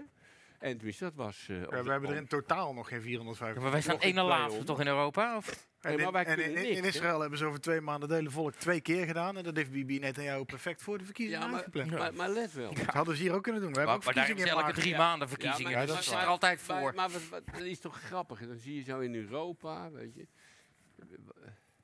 Zie je dus al die Europese leiders kwaad worden op, op de AstraZeneca. nee, AstraZeneca. Ja. AstraZeneca, want die kunnen wegens productieproblemen, zeggen zij, niet leveren. Ik bedoel, dat kan gebeuren. En de hè. politici zeggen nu, je hebt ons belazerd, je kon gewoon niet genoeg maken. Nee, de politici die zeggen, u heeft het. Jongens, moet je luisteren. Als je mensen die een Tesla wilden hebben jarenlang, ik heb er trouwens geen maar gewoon een benzineauto, die hebben moeten wachten omdat de productie niet gehaald werd. En niemand zei ooit, nou zeg, daar gaan we, daar gaan we ze aan houden. nu zie je dat ze ontzettend kwaad worden op, op dat as, as- AstraZeneca. Ja, ik ben niet zo goed in het buitenland. Eh, omdat ze een contract, een open contract gesloten hebben. En ja, of zelfs al heb je het beloofd. Als er wat tegen zit, zit er wat tegen. En wij willen het hebben. En tegelijkertijd zegt, de andere helft van Europa: oh ja, dat eh, vaccin is niet zo goed hoor. Mensen boven de 65, de kwetsbare groep, hebben er niet veel aan. Dus je zegt dat je iets hebben wil, wat niet geleverd kan worden, waar je niks aan hebt. Geloof jij nog in Europa als, als, je, als je zo beleid? Ik er van ik geloofde Nee. er voor Ik geloof de er al een wereld tijdje in, niet maar, meer in. Nee, maar nou, ik heb in principe vind ik dat idee niet zo slecht, maar de uitvoering is zo Ja, maar dat zie je. Het is vaak met, eh met Ja, maar in, in de in de EU-geval is de uitvoering wel echt heel slecht. Nee, nee, maar dat zie je hier dus weer van. ja. Ik bedoel, niemand... Ja, maar dat zie je hier op lokale schaal ook. Normaal, eh, als, als er geen pandemie was geweest, dan had Hugo de Jonge al lang weggestuurd wegens volstrekt incapabel. En nu heeft hij deze dragende functie zelfs demissionair om deze crisis te managen. Maakt hij nog steeds dezelfde enorme fouten. Ook weer met de doorverkoop van die GGD-data. Dat blijkt al drie kwart jaar aan de gang. Dus Hou vanaf op, het ingang hou van de op. testen is het al aan de gang. En hij mag blijven omdat er een crisis is. Ik denk, nou ja, als Ja, er nee, ooit een goede reden was om iemand met wat meer snelheid te vervangen, dan zou het misschien nu zijn. ja. Maar die man- we komen nooit er meer van die man was die zei van, jongens, ik kan de druk van die crisis niet aan. Ik ben zijn naam weer vergeten. Bruno Bruins. Eh, toen zei iedereen, nou, chico van die man toen die flauw gevallen was. Hij werd vervangen. was heel slim van hem. En, nee, nee, maar, nou ja, maar als je, Nou ja, die Bruno kan, kan je overkomen naar de druk Ja, die aan. Bruno Bruins kon een beetje voor zichzelf Dat hebben nadenken. wielrenners ook wel eens. Bruins die kon voor dat zichzelf nadenken. En die besefte dat hij, eh, dat hij, eh, dat hij wat er op hem afkwam. En die dacht, nou, dat ga ik niet volhouden. En, en Hugo de Jonge was alleen maar bezig met zijn eigen spiegelbeeld. En die dacht, nou, dan doe ik het. Ja, ja, ja. ja, ja en nou ja, we zien waar we nu Ja, staan. maar Daar hebben wij nu allemaal Het is toch eigenlijk, het is toch eigenlijk erover nadenken. Wat jij zegt. Het is die man, hij presteert niks. Er komt even iemand in beeld je microfoontje goed doen. Oh. En de afkijk is ook al uitgevallen. Ja, Oh. Dan geef je, als je ook gelijk even het, het slangetje, zeg, het draadje over zijn rug gooien, dan, eh, en dan even zijn hand er tussendoor. tussendoor Druk ook, ligt druk net ook nog even bij Tom Ja. op zijn eh, suikerpompje. Ja, nee, doe, doe dat maar vooral niet. Ik, Hatseflas, dankjewel Steven. Dankjewel, jongen. Ja, Ja, dat is het, eh, het enorme voordeel van live. Hè. Het kan wel eens gebeuren dat er even iets Ja, uitvalt. maar dit, dit is lekker, dit is gewoon internet. Dan maakt het allemaal niet uit. Hè. Ik bedoel, we hebben hier geen... Nee, maar weet je, we zitten hier nou zo wel gezellig en een beetje vrijblijvend te lullen. Maar het is eigenlijk natuurlijk heel treurig. Hè, dat, ik bedoel, we hadden het er net al over. Nederland, als het over gaat over de kwaliteit van het onderwijs, bengelen we in Europa volkomen onderaan. Als het gaat over de snelheid waarmee je de gezondheidszorg, fok- dit coronaprobleem kan, op- bengelen we onderaan. Als het gaat over, dat stond gisteren in mijn ochtendkrant, over de introductie van renewable energy, groene energie, bengelen we onderaan in Europa. En allemaal grote mond. We zijn we een In fantastische... Nederland, in Nederland is altijd alles goed geregeld tot er iets misgaat. Ja, ja, ja, maar er is dus niks goed geregeld. Hè. Nee? En nee, dan, nou ja, nou, of niks. Maar als je nou net zeg jij, hè, er is nou al van een paar miljoen mensen liggen nu alle gegevens op, op straat. Ja, hè. die zijn te koop. Die zijn te koop. En gisteren zag ik iemand op de televisie, en ik weet niet hoeveel, en die zei, nou, van een BN'er kosten de gegevens 50 euro. Dus nou, ik ben een ex-BN'er, laten we zeggen, 20 euro. Hè, en, en voor jou 15 en voor jou, nou, dan nemen ze geld voor mij. en het is. Dan kom ik goed weg. zo. nee, maar je snapt wat ik bedoel. En, wat ze dan, en dit is dus al bekend vanaf vorig jaar september. En de toezichthouder, daar hebben we het dan over, hè, de ex-burgemeester van Utrecht, Aleid Wolfsen, Aleid ja. Wolfsen, die zei in september: Ja, jongens, daar moeten jullie wel wat aan doen. en, toen, en daarna deed hij niks meer, want zoals vandaag eh, duidelijk werd via eh, de NOS, eh, zijn afdeling heeft het zo druk. Ja, En ja, en- maar je lacht je toch. En, en ik weet toevallig ook dat zijn afdeling, zijn autoriteit persoonsgegevens hebben ze hierover, die was teruggefloten omdat die zo kritisch waren op de, eh, op de app, op de, op de corona-app. Wat altijd ook een doodgeboren kind was sowieso. En daar horen we nu ook helemaal niks meer over, over die hele fucking app. Die, maar hij was daar heel kritisch over vanwege de privacy. En toen hebben ze hem een beetje teruggefloten. Ja, Ja, we hebben wel dat ding nodig. Niet helemaal hoe Nederland werkt. Want je kunt mensen wel willen terugfluiten, maar die autoriteit, dat soort autoriteiten, toezichthouders, zijn heel belangrijk en die zijn ook min of meer onafhankelijk van de overheid. Ze moeten Ja. één, keer, één keer per jaar, ja, mijn dochter is erop afgestudeerd en ik heb haar moeten helpen om het stuk te schrijven. Weet je ik net- schrijf net iets mooier Nederlands dan zij. Beetje net zoals de Raad van State moest oordelen over die toeslagenaffaire. En, en vervolgens zei we hoeven niet alle informatie, want straks moeten we streng oordelen. maar het is zo dat uiteindelijk moeten ze eens per jaar hun, hun verantwoording, eh, een verantwoordingsdocument schrijven aan de minister. Nou, het is uw Savarische pest. En die Dat is alleen maar om je subsidie veilig te stellen. Eh, en het is, en nou ja, je kunt het natuurlijk niet ophouden. Je hebt heel veel autoriteiten. Je hebt een autoriteit toezicht houden op, op eh Buma, Stemra en al dat soort clubjes. Je hebt autoriteit persoonsgegevens. Je hebt ook een autoriteit die zich bezighoudt met de kwaliteit van ons voedsel. Oh, je hebt zo'n rij. en je kan moeilijk zeggen van, nou, zorg. Je kan moeilijk zeggen, nou, weet je wat we doen? We heffen het op. Maar is er ook een autoriteit die de autoriteit eh, toezichthouders eh, controleert? Ja, zodra er iets misgaat. De minister, waar het, Oh, waar het oh. onder valt. Ja, dat dan wel. Oké, dan hebben we En dan dat niet een dat ze op basis voor. van het jaarverslag. En in dat jaarverslag schrijven ze dus zelf op Ja, wat ja, ze ja, gedaan hebben. En er is dus nooit iemand die zegt, nou jongens, ik heb alles fout gedaan. En mijn dochter is er echt op afgestudeerd. Nee, nee. En dan ging al die jaarverslagen analyseren. En daar staat dan in dat ze het ontzettend goed gedaan hebben. En dan is de beoordeling van de minister, nou, ze hebben het wel goed gedaan. Henk, ja. Ik, ik wil nog even naar die VARA. Oh ja. Want eh, dat VARA's vuurwerk, ik wil even een heel klein punt van orde maken. Maar daar had je namelijk een leader, een Ja. tune, en dat was, eh, dat was Vengeance. Vengeance, En zij, ben jij het met me eens dat dat eigenlijk wel de allerbeste stevige rockband was van Nederland? Die echt in het... ben ik. God, wat waren die gasten lekker. En dat kennen misschien heel veel kijkers niet, maar zoek Vengeance op. Toch, Henk? Ja. Nou, dat wou ik even En die hebben, die, hebben, die hebben die lieden speciaal geschreven voor het programma. Hij zat net ook hebben- in die compilatie, En ja. later hebben ze er een, een single van gemaakt die natuurlijk niks deed. Wat een geweldige band. Echt. Nederland heeft altijd heel veel goede rockbands gehad. En er is eigenlijk maar één die daarbovenuit stijgt. Dat is de Golden Earring. Ja? Want, ja, het is wel een rockband. Die Ja, dat is een rockband, maar stijgt er bovenuit. Nou, die stijgt er bovenuit in de betekenis van die Succes. eh, succes, Ja. weet je. Waarom ben je zelf nooit rock gemaakt? Omdat ik Waarom- niet rock kan zingen. Nee? Ik heb een paar rockliedjes opgenomen. Ik heb er een paar met George Kooijmans van de Ering geschreven. Maar ik heb geen rockstem. Ik heb een een zware, diepe stem. En, eh, en die, ro die rockjongens, die kunnen allemaal heel hoog. hoog, ja. En die hebben nooit keelpijn. En het is, als ik hoog ga, jongen. Je had oh. toch die, dat Gorefest uit Zeeland, Ja. Jan Christen Koeien. Maar als Ja. hij ging praten, hallo, ik ben Jan Christen Koeien. En de volgende nummer is... Dat Ja, kreeg je dan. Ja, dat was echt Nou, prachtig. ik, ik, ja. ik, ik heb eens één plaat gemaakt met een, eh, met een, eh, met, met zo'n een, een EP'tje met zo'n, met, met, met zo'n ensemble. En eh dan moest ik twee liedjes inzingen. Ik heb drie weken niet, niet kunnen praten. Met door mijn vrouw is nog nooit zo blij geweest.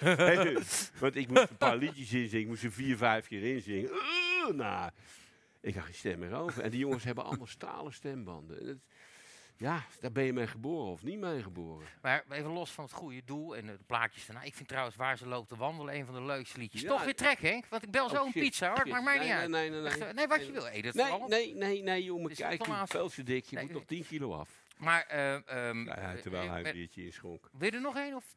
Nee, nee. want wij moeten zo Nee. gaan rijden. Ja. Dan, eh, Maar- dan- maar- dan maar al die- hebben, ze, me- hebben ze ons gezien, weet je. Dan houden ze ons aan en dan moet ik een test doen. Ja, laten we Weet dat je, maar niet ik- oh, dat- dat- Ik heb ik een leuke test. Ik, ik heb, vroeger had ik de reputatie vorige eeuw dat ik nogal veel zoop. En dat klopt ook. Ik wou zeggen, die reputatie kan, En- kan ik als barman van jouw tent wel en- eh, nee, Ik heb het altijd lekker gevonden. En nou drink ik niet zoveel, ik kan niet meer zo goed tegen. Maar eh, en toen, toen viel er een keer een fuik in. Dus, nou, het zal 19, zo rond 2000 geweest zijn. Nog wel En deze werd eeuw. Net deze eeuw. ik reed een fuik in en ik, had, en ik kwam van een optreden af. En als ik moest rijden naar een optreden, zoop ik geen druppel. En, dus ik, ja, ik denk, doe ik thuis wel, haal ik het wel in. En ik word aangehouden en ik moet blazen. En eh, die vrouw zegt, ja, u heeft niks op. Ik zeg, nee, dat klopt, dat zei ik toch. Ik zeg, ik heb niet gedronken. Nou, kwam een tweede bij. Weer blazen. En klopte. geloofden je niet? Ze geloofden hem niet. Te- tot vier keer toe. en toen kwam de, de vierde, nee, nou, drie, de vierde, die sloeg uit. En toen zei ze, u bent gearresteerd. Zeg, nou ja, oké, dat moet. Dus ik stap uit. En ik doe zo. Ik nou ja, dus sla me maar in de boeien. En toen kwam er een wat verstandiger, eh, wat verstandiger eh Ubervuurder aan. en die, die schudde eens het ding. En die zei, nee, dat ding is niet goed, moet Voor de vijfde keer blazen. En ja, dan had ik weer niks. Jongens, het is nou mooi geweest. Ik ga naar huis. Ik, Ja. zeg, ik ga naar huis. Ik zeg, eh zei ze, nou gaat u maar. Ja, wacht even. Wacht even. Ik wil eerst ongearresteerd worden. Hoe bedoel je? Je hebt me net gearresteerd. Als ik nou wegrij, mag je me gewoon eh, beschieten. Ik zeg, dus officieel wens ik ongearresteerd. Ach, om te jennen natuurlijk. Ja, natuurlijk. Ik zei, anders ga ik niet weg. Hebben ze dat gedaan? Hij zei, ze, ja, bij deze bent u niet meer gearresteerd. Nou, Goeiedag. Ik ken toch dan ook ga je- het, beroemde verhaal van die Utrechtse journalist jaren geleden die naar een paar borrels eh, op naar huis rijdt richting Veenendaal. Een fuik binnenrijdt. Die denkt, kut, ik ben de lul. Die stapt zijn auto, auto uit. Die zwaait met zijn perska bij de eerste politieagenten. Utrecht Nieuwsblad, wat zijn hier de plannen? En die zo doorrijden. weet je. Ja, weet je, ik moet eerlijk zeggen, ik, ik ben een ontzettend slechte chauffeur. Dus, dus ik- Ja, we ik- zagen het net, ja. Ja, ik ben, ik- ja, ja, dat zijn dan vooral van die dingen waarbij... Kijk, rechtuit rijden lukt me wel. Ja. En, en een beetje, je hebt het net meegemaakt. Nee, weet dat je, ging goed. voor een hele smalle straat, dat lukt me wel. Maar achteruit parkeren met zo'n ruimte en achteruit door een, door een hoepel met, met brandende autobanden rijden, is gewoon niet mijn sterkste kant. Nee, nee. En, eh, en die spelletjes, die zijn natuurlijk, die programma's zijn er gewoon om je dingen te laten doen. Die Dan zetten ze aan de zijkant zetten ze allerlei van die, van die, ja, van die, van die brandende wielen neer. En op het eind is er dan ook een poort waar je doorheen moet. En dan moet je 80 rijden, maar eh, die zetten ze dan neer. Het zijn ook allemaal auto's die ze van de sloop gehaald hebben. Hè? Dat En- leek me wel verstandig in jouw geval. Nee, in alle gevallen. Want eh, dan is, eh, is die auto 1 meter, ik zeg maar wat, 1,80 breed. Dan zetten ze die dingen op 1,79. Dus je ramt er altijd doorheen. Dat gaat altijd fout, eh, maar wel eh, leuk. Maar in defense van het programmaatje, dat was gewoon een hek. Wat er stond, ja, iemand uit. tuurlijk, Ja, ja, ja, eh. Maar goed. Maar Maar ik wist even- dat er iemand achter reed die gelijk zou gaan betalen. En het ging op tijd, hè? Dus Gaan we eh, even- gaan we ging even- gewoon doorrijden. nog even door met die, met die radio, want ik wil naar dat verhaal toe. Waarom hebben ze jou er nou uitgeflikkerd bij de Vara? Je had een, Ja. heel pro- je had een prachtig programma. Wat is waar? Dat was een grote hit. Je had vier dagen per week. Ik had, had- je ik- ik Denk had- aan Henk. had- heel Nederland dacht aan Henk op dat moment. Ik had natuurlijk een van de meest succesvolle programma's die er was. Dus qua luisterdichtheid kwam het altijd net na de arbeidsvitamine. Beter dan iedereen. Maar ja, ik had natuurlijk, ik had me verbonden met Fortuin. Dus even. En de VARA die zei op een gegeven moment... eh, moet je luisteren. Als, jou, eh, als jij niet wil dat je... Ze hadden mij beloofd dat ik naar Radio 2 zou gaan. Ik zei, joh, ik ben nou eh 50 was ik of zo. Ik zei, ik wil eigenlijk wel een beetje naar een wat gezapiger eh, eh, zender toe. Want om nou net te doen... eh, de Radio 3 was ook erg veranderd. Ik had al de directieven gekregen dat ik alles wat de muziekpolitie uitkoos voor mij, mocht ik zelf niet meer doen, dat ik dat goed moest vinden. Dus ik mocht nooit niks zeggen. Ik moest zeggen, wow, wat een te gekke plaats. Dat lijkt me niks voor jou, hè? Ja, daar weet de stapel gek van. dus ik voelde me daar niet zo gelukkig bij. En ik had er allerlei maniertjes eh, voor bedacht die ze heel creatief vonden. Dan kwam er een kutplaat en dan kwam er weer een kutplaat. Zei ik, dit was dit, maar nu komt dat. En hupsakee. en zei iedereen, nou Henk, wat weer creatief. Dan hoefde ik niet te zeggen dat het zo'n goede plaat was. Weet je. maar wacht even? Oh. Toen, eh, toen, eh, toen, eh, toen werd Fortuyn doodgeschoten. En Rob Stennis die belde mij en zei... joh, wees blij dat er niet naast staan. Ik had me al lang van die man gedissocieerd om allerlei andere redenen. Want dan hadden ze die ook meegenomen als, eh, als, eh, als toegift. En toen moest ik op een gegeven moment bij de baas komen. En... want ik had een grapje gemaakt. Ik had een paar grapjes gemaakt. Over, eh, over eh, de lijsttrekker van de PvdA. En het grapje dat op een gegeven moment de druppel eh, was die de emmer deed overlopen, was het grapje. Hij wou op een gegeven moment, hoe heet hij ook alweer? De, Melkert. Uh, Melkert, Ad Melkert. Die had als plan dat, dat Schiphol drie keer zo groot moest worden. Er moesten 400.000 mensen gaan, eh, gaan, gaan wonen. En ik had als flauw grapje gezegd, oh, Ad wil nou dat iedereen ze ziet vliegen. Nou, dat is erg, hè? maar de, daarmee begon de P van de A een actie, de jeugdafdeling. Henk moet van de zender af. hè. Het was toen al cancel culture. Ja, was toen ook cancel culture. Jongens, kom nog En, even naar die eh, microfoon kijken. En eh, nee, ik daar weer in mijn zakje. En, eh, en die, ik, moest ook, ik moest daar ook heen gaan om, eh, om te verdedigen. En ik zei, nou... ik zei, die, hadden dan een, die hadden dan een toogdag. En Henk moet weg, weet je wel. Er was een PvdA-jongerenorganisatie. Ja, daar waren ze goed in. En mijn baas ging erheen. En Steven, praat gewoon door. Steven gaat even aan je zitten. dan weet je op een gegeven moment. Lekker. En dan Ja. weet je op een gegeven moment dat, het- dat je einde nabij is. Hè? En, en eh, dankjewel, Steven. En eh nou ja, eh, eh, ik denk, nou ja, weet je, toen, eh, toen zetten ze me op non-actief. En omdat ik dat grapje gemaakt had. En vier dagen later ontsloegen ze me. Maar dacht ik, wacht even, dat kan niet. Het is altijd belangrijk dat je de wet kent. Als jij hem niet kent, kent een advocaat hem wel. Dus ik ben naar Tomlo in Ja, de buurt. natuurlijk, Bernard Tomlo. En Bernard blijft Tomlo. en Bernard Tomlo zei, ja, wacht geen advocaat meer En het is, nee, toen was hij het wel. en die zei, jongens, als je iemand ontslaan wil, dan moet je dat doen binnen 48 uur of zo. Maar je kan niet tegen iemand zeggen zo. Hè? Kom, het was op een vrijdag. Ga maandag weer aan het werk. Ga dinsdag maar weer aan het werk. En dan roep je me even bij de baas. zeg Jij bent ontslagen. Voor drie dagen terug. Nou, dat kan niet. Dus ze moesten me weer in dienst nemen. En dat was natuurlijk een ontzettende morele nederlaag voor de VARA. Maar ik had nog een, een jaar om te gaan. En let wel, een maand voordat ik eh, dit gebeurde, had ik, omdat ik er 20 jaar werkte, ongevraagd 5% loyaliteitsloonsverhoging gekregen. Spontaan vanuit de VARA. We zeiden, ze, ja, je bent altijd zo loyaal aan ons. En eh, ik had wel aanbiedingen gehad voor veel meer geld, maar ik voelde me daar wel thuis. En, eh, dus ik kreeg 5% meer. Was niet in de tijd dat er, dat is een gigantische. Doe mij dan ook maar eens zo'n. Blijf nou hem. van die microfoon af. Ja, maar hij, Zit, hij zit hier te. Nou. Ja, maar als je hem gewoon laat zitten, zit het goed. Nee, nou staat hij weer de andere kant op. Ja. Nou ja, hoe het ook zij.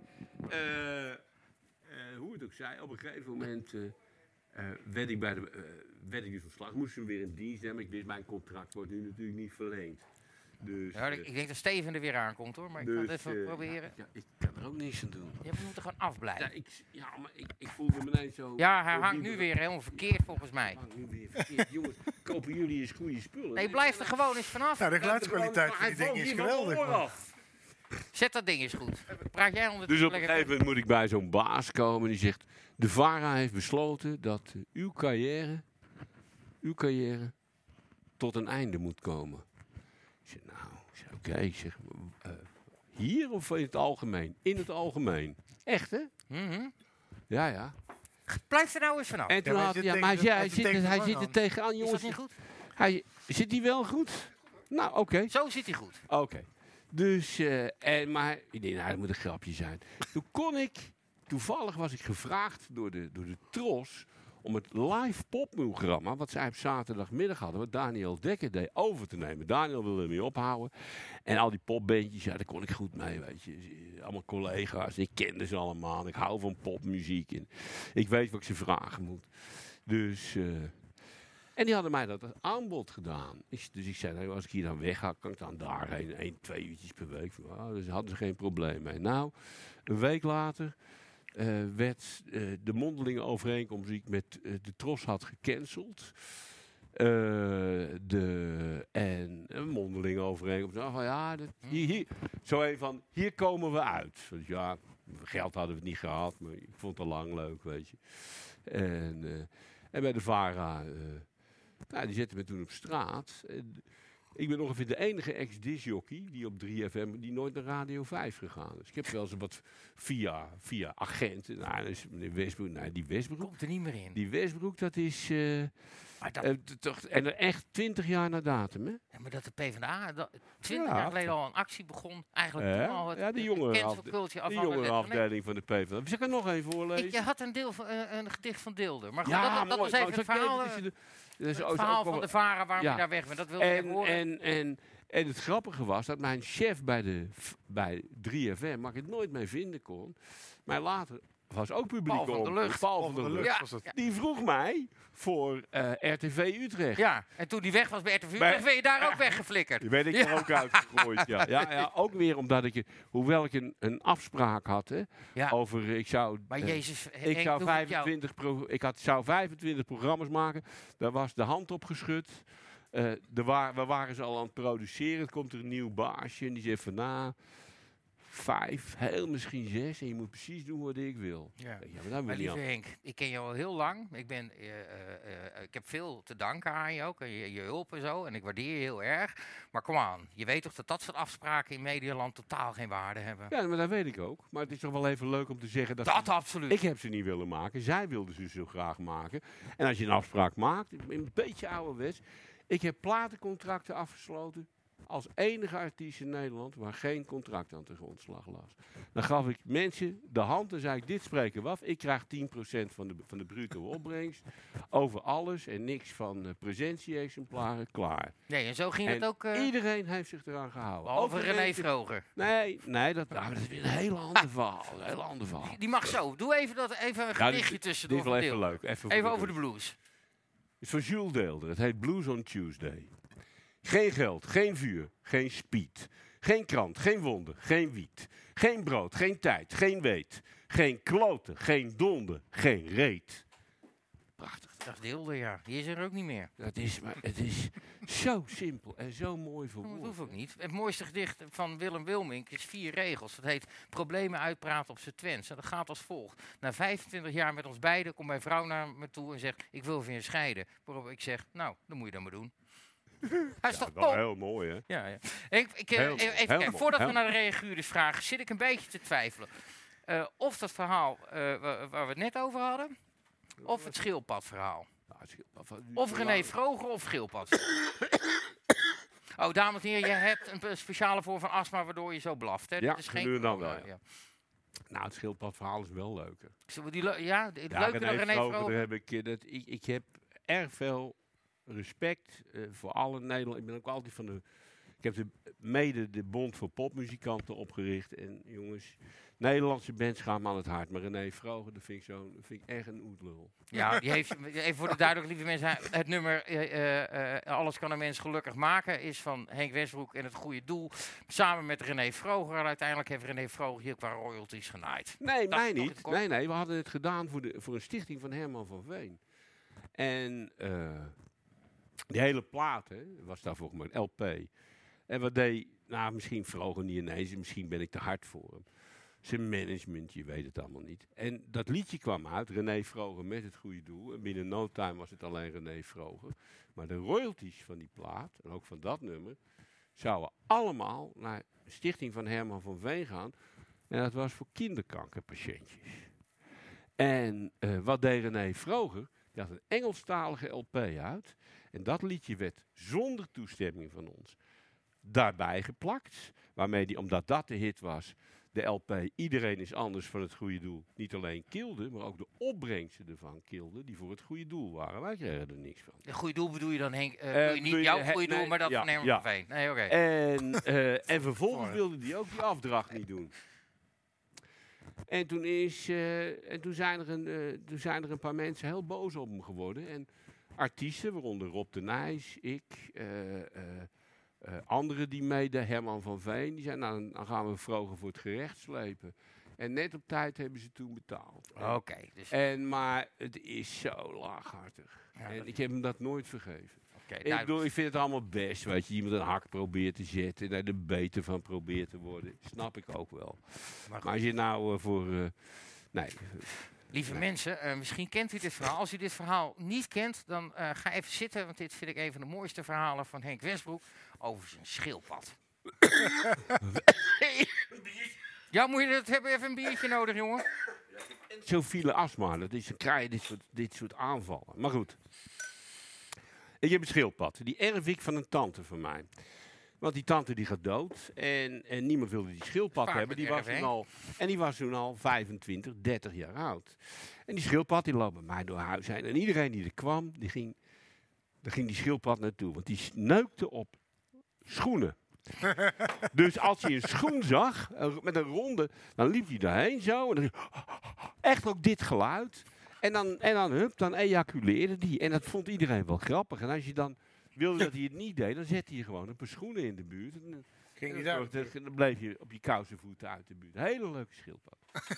en, eh, Het lijkt een beetje Henk. ja, eigenlijk wel. U neukt ook En, ik en, ik, en iedereen wilde met die schildpad op de foto. Dus van, van, van iedereen die bij mij op bezoek kwam, en dat waren er wat hoor. En die, eh, ah, met die schildpad van Henk. Die liep door het huis heen. En als, dan, eh, als het winter werd, hadden, we- heb ik een kerststal. Ik ben niet gelovig, maar het is wel een kerststal. Hele grote, hele mooie antiekje uit de vorige eeuw. en, en daar ligt hooi in. En dan ging die daar op een gegeven moment in zitten. Dan ging hij slapen. Nou, prima. En eh, ja, eh, op een gegeven moment, die waren, eh, zomers, dan, dan bouwde ik een hekje in de tuin zo. En dan zette ik hem erin. En dan kon hij daar een beetje gras eten, weet je wel. Leuk voor zo'n beest. En op een gegeven moment loopt hij weg. Hij was al twee keer eerder weggelopen. En dan je hem wel terug. En dan ging je naar, ga, je naar, ga je naar dierasiel. Dus ik naar dierasiel toe. Ik zei, jongens, hebben jullie een schildpad gevonden? Nou, het dierasiel had hem niet gevonden, zei ze. Maar hadden wel eh, een, een dienst toezicht op dieren eh, geactiveerd. En dat was eh, onder leiding van onderzoeker meneer Rook. En dus op een gegeven moment krijg ik een inval. Want ze hadden een schildpad gevonden en eh, die zou van mij zijn. En echt hè, politieagenten die door je hele huis en in, de, in het BH-laadje van mevrouw, of ik hier misschien de schildpadden in verborg. En dat beest was namelijk eh, in beslag genomen naar een geheim schildpaddenverblijf eh, over, overgebracht. Want hij had geen transponder in zijn linker achterpoot. Ik wist niet dat ze dat hadden, Wat bleek nou? Wat bleek nou? Er zijn in 1990, 95, mocht je dat soort landschildpadden, die mocht je niet meer houden zonder een vergunning. En dat ding had ik toen al jaren. En dus ik een vergunning eh, aanvragen, weet je wel. eh, heel ingewikkeld is dat. En eh, nou ja, oké. En op een gegeven moment wordt die vergunning gewijzigd en moet ik bij de politie komen. Er zitten dus twee agenten en meneer Rook. Nou, het is net die lamp hier hoor. Het was, eh, was de inquisitie, hè? Ja? Ja, was echt de inquisitie. Hoe komt u aan die schildpad? Ik zei, nou, die schildpad heb ik gekocht bij een, een dierenwinkel. En die zit in Utrecht, zit die op de vismarkt. En eh, ik zal het u nog sterker vertellen, die verkocht ze gewoon voor een riksdaalder in guldens per stuk. En ik heb hier een Vorige eeuw, verklaring. eh, Bart. Vorige ik heb hier nog een verklaring, want die man die leefde nog. Dat, ik, dat mijn, mijn tante dat ding daar gekocht heeft, want die kenden elkaar weer. Ik nam ook zulke stapels foto's mee, dat hoe lang ik hem al had. En eh, ja, maar die foto's kunnen vervald zijn. Ja, Ah, want dat doen mensen, schildpaddenfoto's Ah, vervallen. eh, eh, die foto's kunnen vervald zijn. Nou, om een heel lang verhaal kort te maken, het gaat nog veel langer door. Ik heb op een gegeven moment, ik werkte toen even voor Jorin. Dus ik had mijn telefoontje in Voor de mijn jongere kijkers, dat was een zender in de vorige eeuw. Bij de, bij de tweede keer dat ik verhoord werd door de politie... in aanwezigheid van meneer Rook... want dat was de hoofdonderzoeker... had ik zo dat dingetje in mijn borstzak zitten... En het is live uitgezonden op, eh, op Jorin. en dat was hilarisch. Want die jongens die, zo- die waren er op me aan het inhakken, jongen. Je wil het niet weten. Alsof ik dus, alsof ik dus eh, een dubbele lustmoord gepleegd had. Hè. En ik ben even vergeten hoe die club heette die zich bezighoudt met het welzijn van dieren. Maar ik pak dus een beetje terug. Daar kom ik zo op. Nou ja, om een lang verhaal een beetje in te korten, op een gegeven moment moet ik voorkomen. Maar ik had Moskovits. Ja, die was je op vliegveld tegengekomen, Ik- toch? Op Ja. vliegveld kom ik Moskovits tegen. En ik zit hem daar verhaal. te Inmiddels ook geen advocaat meer. En die is ook Nee, inderdaad. Helemaal altijd de verkeerde. Maar Moskovits, A, heeft geen dubbeltje in rekening gebracht. Die vond het zo grappig. en, eh, ja, Dat is ook voor het eerst, hoor. En, dat is, ja, nee, en die zei, joh, hij zei, dit gelooft niemand meer. Dus nou, die werd de verdediger van mezelf. En Van Persie was toen beschuldigd van allerlei akelige dingen. Die had hij binnen een week vrijgekregen. Ik denk, als hij, als hij Van Persie vrij, Ah, als hij van Persie vrij kan krijgen, kan hij mijn schildpad ook vrij krijgen. en, eh, dus wij moeten voorkomen. En daar was toen zo'n mevrouw. En die was echt... Nou, die, was, dat was, ja, die, die spuwde vuur mijn kant op. Wij zijn er voor het welzijn van de dieren. Ik zeg, nou ja, wij, wij, wij. Ik zeg, mag ik je wel herinneren, dat was echt gebeurd. Twee weken geleden hebben jullie 200 eh, zeldzame knabbel en babbels... die geïmporteerd waren vanuit Zuid-Amerika... omdat je ze niet terug wou sturen door de papierversnipper aangegooid. echt klopt. zo, hè? Ja, ja, ik zeg, ik ga nou niet zeggen dat jullie het, het welzijn van dieren zo hoog in, de, in, in, in het vaandel hebben staan. Ik zeg, en let wel, ik heb eh een beest altijd goed verzorgd. En eh, had ik ook nog, ik, ooit was hij ziek en toen, ze hebben bij de artis hebben ze een afdeling schildpadden. Want niet, weten niet veel van schildpadden. Ben daar speciaal heen geweest om te vragen wat ik met die schildpadden... Dat wist die man nog, had ik een verklaring van. Eh, en nou ja, het, duurde uren, het, eh, de eerste zitting. Hè. En toen werd er besloten dat ik... nou, dat was eigenlijk een trucje van de advocaat. Die zei, nou, ze zeggen dat ze jouw schildpad hebben. Maar is dat wel zo? En zonder lijk geen moord, hè? Ja, ja. En ik zei, ja, mijn schildpad heeft een hele herkenbare eigenschap. Want aan, aan zijn kont zo, hè, dat loopt een beetje zo. Dan komt er zijn piemel achter, zit een soort schild. En dat was afgebroken. Want toen hij nog bij mijn tante woonde, is de auto een keer over hem heen gereden. Jezus. En toen is er een klein stukje schild bij zijn piemel afgebroken. Net wel, een beetje, een beetje Besneden- 70 jaar geworden. schildpad.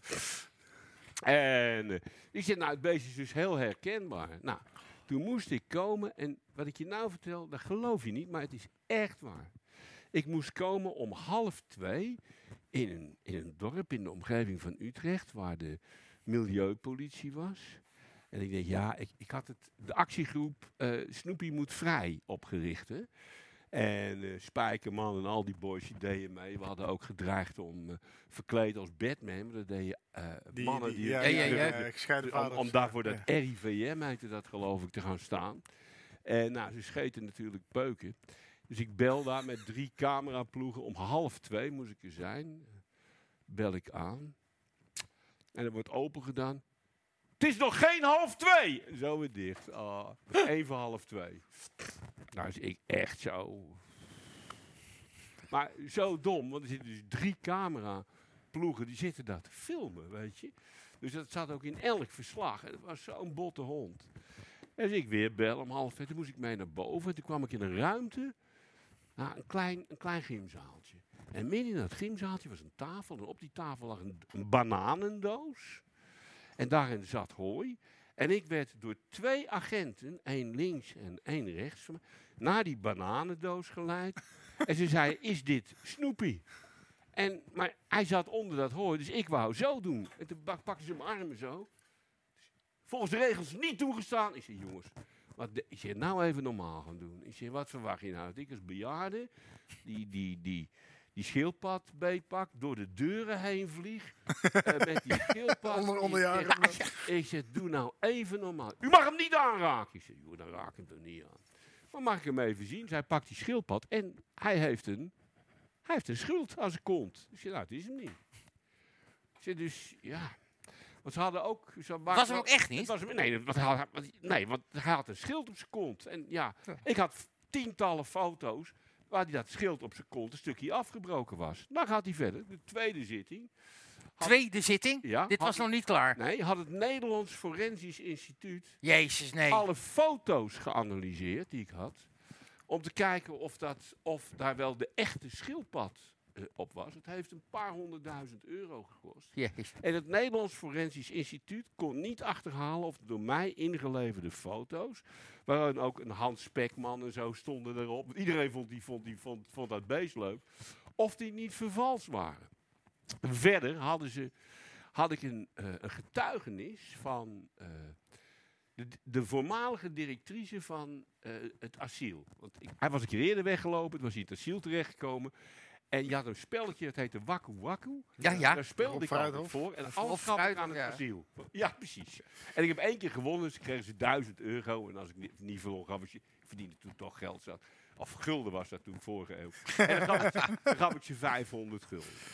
En, eh, en die vrouw die was ondertussen geëmigreerd na haar pensioen naar Canada, want daar woonde haar zoon. Komen er eerst twee Belgische schildpaddeskundigen. Dit is geen grapje.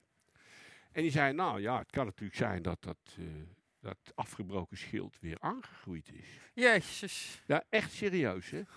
Waarbij uh, Moskovits zijn vinger opsteekt en zegt van... eh, is het ooit voorgekomen dat bij enige schildpad... nadat er een dat het weer aangegroeid... Nou, dat niet, maar het kan toch? Jee. Exit experts. Eh, echt, die niet uit België komen. Hè? En zo'n... eh, vervolgens, eh, vervolgens zei de officier van justitie... Ik had allemaal getuigen. Zei ze, ja, maar een, een gepensioneerde mevrouw van tegen de 70... of over de 70 uit Canada... een hele brief geschreven had. Hè, dat ik hem al jaren had... voordat die CPS-regels eraan kwamen.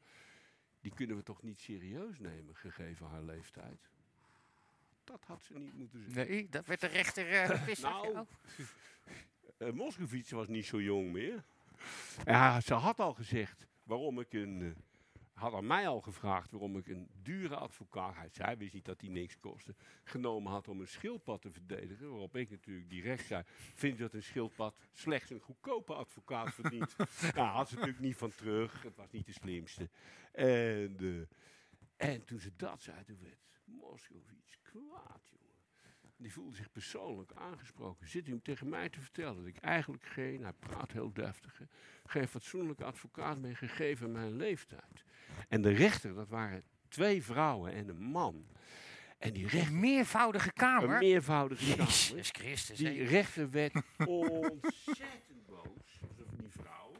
En, eh, en die zei ja, ja, en toen had ik gewonnen eigenlijk. En nou, en, en, en nou het leuke. Er moet, Oh. er moet er een veroordeling komen. En, eh, dus in de eerste plaats, ze hadden hem niet. Toen werd ik veroordeeld op het feit dat ik toegegeven had dat ik zonder cepuspapieren een schildpad gehouden had. Dat ik het had toegegeven. Dus kreeg ik daarvoor een, eh, symbolische eh, een boete van, ik geloof, 20 euro. Ik weet, dat weet ik niet meer. Het, is toen ook- Het was inmiddels deze eeuw. het was deze eeuw. Het, het, is, het heeft lang geduurd hoor. En, eh, of of 100, 100 euro was het. En voorwaardelijk twee jaar. En dus ik stak mijn vinger op, want die mag nog keer reageren. Ik zei, mevrouw de rechter, wel duidelijk zijn. Ze, ik heb toegegeven dat ik die schildpad had. Daar kom ik niet op terug. Maar als ik dan wat toegegeven had dat ik drie moorden gepleegd had. Zonder lijk, had u me dan ook veroordeeld? Zij zei, hou nou eens op, joh. En ze ging, liep lachend weg. Maar we zijn er nog niet. Oh. Want de, de rechtbank in Utrecht... op verhaal, de eer- verhaal is op net de- zo lang als een schildpadden leven. nee, Ja. is, op de eerste, is op de eerste verdieping. Dus ik loop naar de eerste verdieping. Om naar, om naar beneden te gaan. En het was een beetje een media-event. Ik vond het ook wel leuk. Ik had ook uitgelokt. Ik denk, dit is zo absurd. Dit is zo... Kafka. echt. Dit is zo... Weet je, ik zat toen een beetje in de lokale... Gewoon- ze zullen die Westbroekjes pakken, weet je wel. Die vuile, smerige populist. En ze hadden vijf eh, communicatiemedewerkers bij het RIVM, heet dat geloof ik, hè? die club, hè? die Ja, zit ja. bij ze. En, eh, en ik had dus eh, fluitend gevonden. En ik zei, ja jongens, Dus ik loop zo naar, naar de lift toe. En daar stonden zij. En die lift gaat twee verdiepingen naar beneden of één, dat weet ik niet meer. En we willen erin stappen. En ik stap daarin. Maar ze- ik sta net achter ze. Ze hadden mij niet in de gaten. Zij stappen naar binnen en ik stap naar binnen. Ze kijken me aan. Ze lopen allemaal die lift uit. de communicatiemedewerkers van de RIVM. Ik denk, wacht even. Dus ik loop eruit, ook uit. Jongens, jullie weten meer dan ik. Is eh, een bom gelegd in die lift? Nou, als blikken konden doden, had ik hier niet meer levend gezeten. Jezus. En dat is dus het niveau van de RIVM. Ja, ja. En dat heeft ze bij elkaar, overigens, dat heb ik later eens nagevraagd bij uh, Moskovits, toen hij nog wel advocaat was, 700.000 euro. Jezus voor een schil- Voor een schildpad. Ja, echt, Maar die beest- Gouds komt op dit Is moment dat klaar. beest ooit- is Echt, dat eh, beest nog teruggekomen? Nee, want dat is het leuke. Ze hadden hem dus niet. Dus wat is er gebeurd? Dat beest is naar buiten gelopen. Die is ergens heeft zich naar buiten gevreten, weet je wel. En iemand in de buurt, je weet waar ik woon, allemaal groen, allemaal mensen die, eh, die geen honger hebben. Ja, oh, leuke schildpad. Die hebben hem gewoon gehouden. Ja. En, maar ze, Of ze zit in de schildpaddensoep. Of hij zit in de schildpadden. Lekker trouwens hoor. En eh, ik heb het nooit op, maar het Oh, is... man. Maar het is Kafka. En ik, heb dus, ik vertel dit verhaal graag omdat je ziet, eigenlijk op een, op een minder kwalijke manier voor mij, is eigenlijk hetzelfde als die toeslagenaffaire. Als je eenmaal willen hebben, Ja, ja. Ja, worden laat- alle ja. krachten ingezet om je kapot te Maar maken. dat heeft ook te maken hè, dat ze gewoon, eh, eh, eh, als, ze zijn er eenmaal aan begonnen. En ze hebben ook niet eh, eh, eh, eh, zo, zo Oh ja. lef om te zeggen, we zijn niet Ik- stom bezig geweest, Ik, stoppen ik wil er even één ding zeggen, wat tijdens de, de, op een gegeven moment tijdens de tweede hoorzitting, ik had op een gegeven moment een grapje gemaakt over de hoofdonderzoeker van het RIVM, de heer Rook. Want ik zei, ja, meneer Rook, die zag mij en die dacht, waar rook is, is vuur. Kan je ze flauwer maken? Nee, hè? Nee. De officier van justitie, ja, meneer Westbroek. eh, me- mevrouw de rechter, wij willen toch even zeggen dat meneer Rook, wegens, eh, wegens Nee. eh, aantijging eh, Oh. van de heer Westbroek, nu reeds vier maanden overspannen thuis zit. En niet tot werken in staat is, want, eh, want de heer Rook is zo. Nee, dit is. Ik weet niet wat dat betekent. Homo. Oh. De heer Rook, denk Ja, ik dan. nee, nee, maar wij zijn en- de studio en- langzaam aan het en- afbouwen. en ik denk, nee, ik denk, dit kan niet waar zijn, hè? En ik, dus ik zeg, jongens, vanwege dat... En voor de rest, die man is verder... Ik zit het nou eh, te vertellen, gaat hij waarschijnlijk weer drie jaar, drie jaar een psychiatrische inrichting in als hij het hoort. Maar echt, waar rook is, is vuur, had ik gezegd. Want wat gebeurde er? Oh. Hij belde mij namelijk, terwijl ik bij 3FM op de, of bij ach, op de radio Jij pakt hem lijf Dus erin pak natuurlijk, ja. op. Ik zei, dag meneer Rook. Ja, moet u nou eens goed luisteren. Ik zeg, ter alle duidelijkheid, ik ben nu op de radio. Boom. dat heb ik ook wel eens met Ja, mensen. heel leuk Nee, is dat, hè? Ik vind het een mooi verhaal, Henk. Eh, ehm, ehm, we, we zitten al behoorlijk aan de tijd, dus ik vlieg even door wat reaguurdersvragen heen. Vind je dat Oh, goed? ja, je gaat je gang Is goed. En we hebben eh, Boris, dus niet met een i, dames en Boris heren, van niet onze eigen Boris, maar gewoon. Boris. Henk, eh, eh, wat was de eerste tekst van het nummer vandaag van het goede doel? Het nummer lag volgens mij lang op de plank voordat het uiteindelijk op een album kwam. Oh, de tekst was anders. Zelfcensuur? Vraagteken. Ja, dat klopt. Want eh, eh, vandaag sta ik er weer voor. Doe ik het of niet? Snij ik mijn polsen door? Dat was de originele zin. En toen we hem twintig jaar later opnamen, zei André en Henk... Dat moeten we niet doen, anders, komen, anders wordt hij nooit gedraaid met dat doorsnijden. Dus we maken ervan, eh, eh, ga ik er nog mee door? Beetje vager. Helemaal goed. Maar het is... maar hij heeft wel gelijk, en ik was daarop tegen, maar er bestaan ook o- opnames in de originele versie. Oké, goed. Hij, heeft- weten. hij heeft goed geluisterd, briljant nummer trouwens. Ja, mooi. Goede vraag ook van Boris. Eh, voor Patje, ik moet heel even, of Petje, dat is een nickname hier. Ik moet heel even het woord tot u richten. Beste eh, Petje, eh, we zeggen dit echt omdat we van je houden. Je stuurt heel veel vragen in, maar 387 vragen aan Henk Westbroek. Dan vragen we ons wel af, gaat het wel helemaal lekker met je? Heb je wel een leven? Denk een beetje aan jezelf. Ik heb er één uitgehaald. Twee, ja, één. Hoe voelt het om geliefd te zijn bij honderdduizenden mensen? Wat doet dat met een persoon? Bijvoorbeeld met zijn zelfvertrouwen of arrogantie? Nou, dat is wel een leuke vraag, want wij werden met het goede doel vanaf de ene dag op de andere beroemd. Hè? Ja. Ik was een jochie en ik was... Nou, toen was ik Jochie. heel- nou, ik was toen heel slank. Ik was ook niet zo lelijk, maar vrouwen vonden mij op de een of andere manier niet zo leuk. Want ik rookte als een ketter en dat was toen ook bij vrouwen niet zo geliefd. Nee? En- nee, dat is... eh, Dus eh, ik, eh, ja, god, ik had dan wel een vriend. eh, nou, ik heb dan vrij jong een, een leuke vriendin gehad, maar voor die tijd was het sappelen. En nou ja, op een gegeven moment word je beroemd en ineens iedereen wil mee je neuken. en het is, maar dat is geen grapje. Nee, dat is, mij dat wat. Is, eh, dat is dat komt. Dus op een gegeven moment. droog, Op een gegeven moment eh, Een ander verhaal. treed je ergens op. En dan komt daar een 14-jarig meisje of 15. Die Nog komt, oud? Die komt, ja, die komt dan, eh, die komt dan half blote kleedkamer binnen. Zo van, ik wil jou... Ja, en daar kan je moeilijk mee omgaan. Tenminste, ik niet. Ik weet niet wat ik zeg. Je trok ze niet gewoon even lekker uit elkaar? Nee, nee, nee, nee, dat is, nee dat, dat is niks voor. En als je dan in de kroeg komt, weet je, normaal moet je in de kroeg, eh, dan moet je wachten op je beurt. En dan is, oh, Henk is er. Eh, jij mag eerst. En daar wees ik ook niet mee om te gaan. En dat heeft drie maanden geduurd. En toen dacht ik van, weet je... Ik neuk ze allemaal bloot. Het is Oh. vanzelfsprekend. nee, ik zei, en nee, ik wacht wel op mijn beurt. Als ik bij de tandarts kwam en ik mocht voorzeggen, nee, ik wacht wel op mijn beurt. Dan hoef je maar één keer te zeggen.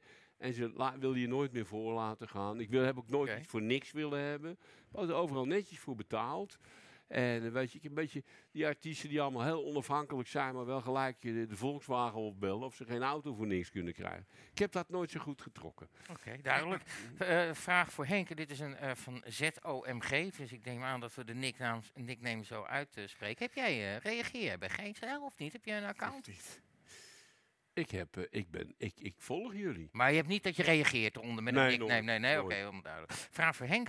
En dit is echt eentje voor de Utrechters mensen. Fokkingworst of worst van paardenslager van Beek? Nou, dan kies ik toch voor eh, paardenslager van Beek. Feministische slagerij. Ja? Ik er even bij. Ja, vrouwen doen dat, hè. Dat is de fijnste paardenworst van Nederland. Ze hebben geloof ik acht keer het paardenworstkampioenschap van Dat is Nederland niet op de gewonnen. Kanaalstraat, hoor. Op de kanaal. Ja, ja, ja. Die zit er Oh, nog steeds? Ja, Ja, ja, het is zo leuk. Ze zijn maar een paar dagen per week open. Ja, en dan nog maar een paar uur. En als voordat de En dat is winkel open gaat, ouderwetse eh, tegel, je kan er alleen maar constant betalen. Ja, ja, Want ik kwam wel doen ze niet aan. En voordat de winkel open gaat, om tien uur s ochtends, staat er een hele rij met mensen. En is het echt, dan is dat een heel gemeleerd publiek. Klein, klein, heel klein, heel kleine anekdote daarover. Ik woonde ooit aan de Vleutense weg Ja. in Utrecht. En, eh, Die heb ik ook gewoond, zeven jaar. Een, een, een, eh, vriend van mij, zijn vader, was- zat vro- vroeger in de paardenhandel en die eh, at gewoon vlees, maar nooit paardenvlees. En wij gingen een keer gourmetten met eh zo'n vrienden studententijd. En we moesten nog naar de slager en de enige slager in de buurt was die. En dat was de eerste keer dat ik daar binnenkwam. We woonden daar niet zo lang. En toen zagen we, hé, hey, is een paardenslager. Dus wij gewoon daar vlees gekocht, s'avonds alles op tafel gezet en met elkaar afgesproken. Niks tegen die vriend zeggen, hoort hij achteraf wel. Einde anekdote. maar, hoe reageerde die toen je het vertelde? Ja, nou, dat heb ik pas jaren later verteld. Nou ja, weet je wat- weten dat Weet je, weet je wat ook Het is anekdote van niks, maar dat Weet is je wat ook die slager is? Die, eh, die doet ook zijn, eh, zijn eigen varkens laten slachten. Hè? Dat is Ja, maar dat gebeurt meer. Ja, nee, maar als je daar nou eh, eh, spek koopt, is dat niet opgespoten met... Nee, maar Henk, maar je moet toch geen lekker. vlees bij een supermarkt kopen? Je Ja, moet vlees doe ik bij een sla- Nee, Tuurlijk en dan moet je ook, nooit. als je gewoon naar een goede slager gaat, een kop tot staartslager, wordt er niks weggegooid. Jongens die hun eigen beesten Je uitbenen. hoeft mij niet te Nee, overtuigen. weet ik, Henk, maar ik zeg het Het is, de eh, het is- want als jij het bevestigt, misschien Ja, eerder Ja, nee, jou dan maar weet mij. je- maar weet je We gaan door naar de volgende. Oh. Ervaringsdeskundige. Eh, oh nee, die hadden we al. Henk, nog één keer de vraag over de laatste uitzending bij de VARA. Die hadden we al. King of the One-Liner. Eh, welke songwriters bewondert hij zelf? En hij geeft een aantal, voor, ehm, aantal namen. Leonard Cohen, Dylan, Leonard Nijg, Frank Boeien, ik hoop het toch niet. John Eubank, hoop het helemaal niet. Neil Doom, Diamond, Billy Joel of de Beatles. Wat vind je het mooiste? Nou ja, A Day in the Life van de Beatles is natuurlijk onovertrefbaar. Ja. En, maar er zijn er een paar bij die ik heb. Billy Joel is ook erg goed. Ja. En ja, maar mijn grote favorieten zijn, eh, grote favorieten zijn de Kings. De Shakespeare van de... Van de sterven gehad, hè? Niet alleen, Ja. Eh, niet alleen eh, zijn broer, maar ook Dave Davis Oh, ja, zelf. ja, ja, en Die kwam je- op een gegeven moment Ja, ook. ja, Ja, als dit wordt live, mensen. Maar live. ik, heb, ik stond achter die, die Ja, je maar moet, het- ze komen gewoon het maar- podium maar, op. Maar het leuke is, het leuke is dat ik gelijk, ik gelijk bel. Hè. Ik zeg, jongens, Dave, Ray Davis. Ja, Ray Davis. En Dave Davis was En Ray. Davis, die wou eerst niet. Maar hij zat boven in de kleedkamer en hij was eh, zo stoned als een aap. En, In die eh, kleedkamer met dat bubbelbad. ja, en hij en zat daar, spiegels boven Hij zat daar met een vreselijk mooie vrouw. En eh, ja, ik denk, ja, het is toch mijn grote held. En ik ken elk liedje van hem. Hè. Dus ik denk, nou, als je hem nou hebben wil, als je een artiest wilt pakken, dan moet je het nooit over zijn hits hebben. Altijd de Maar- B-kantjes. maar nee, ook niet. Dan moet je het over een, een juweeltje die op een LP staat hebben. Want dan weet hij dat je echt een fan bent. Een B-kantje, kan een singeltje. Nog vroeger had je singeltjes ervoor. Ja, voor ja, ja. En, hè, dus, dus, maar ik heb ooit een... Ik doe altijd mijn eigen werk. Vind ik al moeilijk genoeg om te zingen. Maar ik heb één keer een nummer van hem opgenomen. Dat was de, de B-kant van eh, Zelfs je naam is mooi. If my friends could see me now. If, als mijn vrienden mij nu Ja, zagen, heb ik dat. Prachtig, volkomen onbekend liedje. Eh, eh, maar daar zijn honderdduizenden exemplaren van verkocht. Dus ik denk, nou, ik moet toch het ijs breken. Ik zeg, nou, dat vind ik zo'n mooi liedje. Ik zeg, ik ben zelf ook een beetje artiest. En ik zeg, dat heb ik eens een keer opgenomen. En toevallig bij de solo-single van mij, waar, die goed verkocht is. En oh, goed verkocht. Dus ik zeg dat zo, ja, een paar honderd. En, en toen kwam het gesprek een beetje op gang. Ja, maar dan zit ik echt zo. uh, ik bedoel, die man is. En toen ging die het podium op? Nou, een kwartier later ging die. po- Nou, ik zei, we hadden het over liedjes en over de structuur van liedjes. Kijk, ik, ik heb het niet zo hoog met de Nederlandse popcritici. En dan denk je van, nou, wat begin je nou weer te zeuren? Maar ze weten heel, heel vaak niet hoe een liedje in elkaar zit. Kijk, een liedje bestaat uit vier dingen. Dat is, eh, dat is eh, het ritme, de melodie, eh, de, noem het maar, de harmonieën en de klankkleur. Dat zou je de sound kunnen noemen. En let maar op, in Nederlandse kritiek hebben ze alleen maar over de sound. De sound van de nummers, ontzettend vet. Is helemaal te gaaf. Omdat ze gewoon niet begrijpen dat dat... Een sound kun je heel erg manipuleren, maar een, ja, een, ritme niet, weet je. En ze hebben vaak geen idee waar ze het over hebben. Als ze helemaal niet weten waar ze het over hebben, dan laat je alles van een liedje achter je en dan zeg je, nou, nummer is heel urgent. Het begint niet zo te lachen. Het begint niet zo te lachen. een Jan Vollaert is daar een meester Oh, in. van NRC. Die, die haat mij. Want dat vind ik echt Die haat het ook. Dat, dat vind ik het meeste stuk, grootste stuk eh, muzikale onbenul wat er in Nederland lont- losloopt. Dus wat gebeurt er dan? Als ik dat nou zeg, zal hij altijd over elke plaat van mij zeggen hoe verschrikkelijk kut die is. Snap je? Want zo, het is natuurlijk, het is natuurlijk een apenrots. Allemaal die jongens kennen elkaar allemaal. Dus Ik heb wel eens, ik heb, wel- ik ben één keer bij Jan Vollaert thuis geweest in Amsterdam Zuid, omdat wij Oh ja, met een verhaal, paar ja. mensen eh, onder leiding van Jean-Paul Hek, ook uh, muziek, Ja. een, een, een blad schreven. En ik was een van de bijdragers. Toen werkte ik net bij Geen Stijl, dus dit is een jaar of acht, negen geleden. Eh, ik zit hier tien jaar. En eh, we kwamen binnen en hij pakte weer een koffie. En hij vroeg, ik kwam als laatste binnen. En hij vroeg, wil je koffie? Ja, koffie. Dus hij ging ko- naar de keuken en ik ging alvast zitten. En hij kwam terug binnen en hij zet die mok voor mijn neus. En hij zegt, voordat we beginnen met dit overleg, wil ik wel eerst even gezegd hebben dat ik vind dat geen stijl de bijl aan de wortel van de bes- beschaving is in dit land. Ja, heeft hij- Hier is je had hij koffie. wel een puntje. Hier is je koffie. Hier is je koffie, zei hij. En ik was, ik was een beetje overdonderd en ik vond Ja. het ook een beetje, een beetje sneu. En ik dacht, ja, ik Hij is een hele sneuwe man. Ik, Ik zit in zijn huis, ik denk, laat, als hij Laat dit ook vindt, maar, ja. Maar I ik- don't care. Ik, hij heeft ooit een bloedhekel aan me gekregen. Omdat ik werkte voor de VARA en hij schreef in het VARA-blad. En hij had een overzicht geschreven van alle Nederlandse kerstliedjes. En nou ja, er zijn er niet zoveel Nederlandse kerstliedjes die een beetje bekend zijn. En ik denk, maar hij was de twee beste en beroemdste vergeten. Dus ik had een klein briefje geschreven, eigenlijk voor de grap, naar, eh, naar de VARA-gids. Waarbij ik hem bewonderde voor het feit dat hij geen hielenlikker van zijn, van zijn eigen baas was. Maar dat hij Harry Jekkers, de kerstezel, Ja, uitgebracht prachtig. op Varagram, vergeten was. En van het goede doel het nummer Eeuwige Kerst vergeten. Wat de twee meest succesvolle kerstliedjes uit het Nederlandse repertoire zijn. Echt een stuk, stuk succes. En ik zei dus, ik hoop dat hij volgende keer iets zorgvuldig. Maar ik had het een beetje grappig geformuleerd. Nou, Ja, daar- nou, sinds even, die jongen, die man- Ik denk, waar hebben, ben hebben ook deze oude... Oh, oh, wacht, ook, eh, eh, kom Bart, ja, kom maar. Hij, hij wordt wakker, mens. Hij is eindelijk, ja. Ja, Jan Vollaert triggert wat, triggert wat herinneringen. ik ben ook wel eens met Jan Vollaert naar Londen gevlogen. Ah, Eén dag heen en weer naar de Abbey Road Studios om eh, Nick Mason van Pink Floyd te interviewen. Ja. Oh, wauw. Dat was gewoon een Daar groepsinterview. houdt hij niet van, want dat is een, een dinosaurus. Dat heeft hij wel eens geschreven. Ja, maar hij zat dus... Hij zat Oh, hij dus- kon voor niks naar Hij Londen. Ja, ja. ja, dan zat de hele weg en in de taxi en de hele terugweg zat hij alleen maar... Ja, de manier waarop die man praat is alsof hij zelf de Nederlandse rock-encyclopedie Ja. of pop-encyclopedie helemaal bij elkaar geschreven heeft. Zo, Ja, ja, eh, ja. dat, Een hele, Oké. hele nare man. Maar het, is, maar het leuke is, kijk, hij heeft natuurlijk vriendjes. En ik weet niet of je ooit een- bij een concert geweest bent Van een, wij- vroeger ging, nou ja, dan, moet je achteraan gaan staan, daar staan de popcritici. Ik heb er wel eens een geintje mee uitgehaald. Dat was op eh, een of ander festival, moest ik dan wezen, eh, namens Savara. Daar was er zo'n band, stonden al die popcritici, zat ik er ook zo naar te kijken. Zei ik, jezus, wat zwabbert die drummer, zeg. Dat gaat echt zo, hè. Die, eh, die, als er een refrein aankomt, dan denk je oeh. En op het eind van het liedje hij, "Pff, de stal, eh, stal is der, steeds sneller, hè.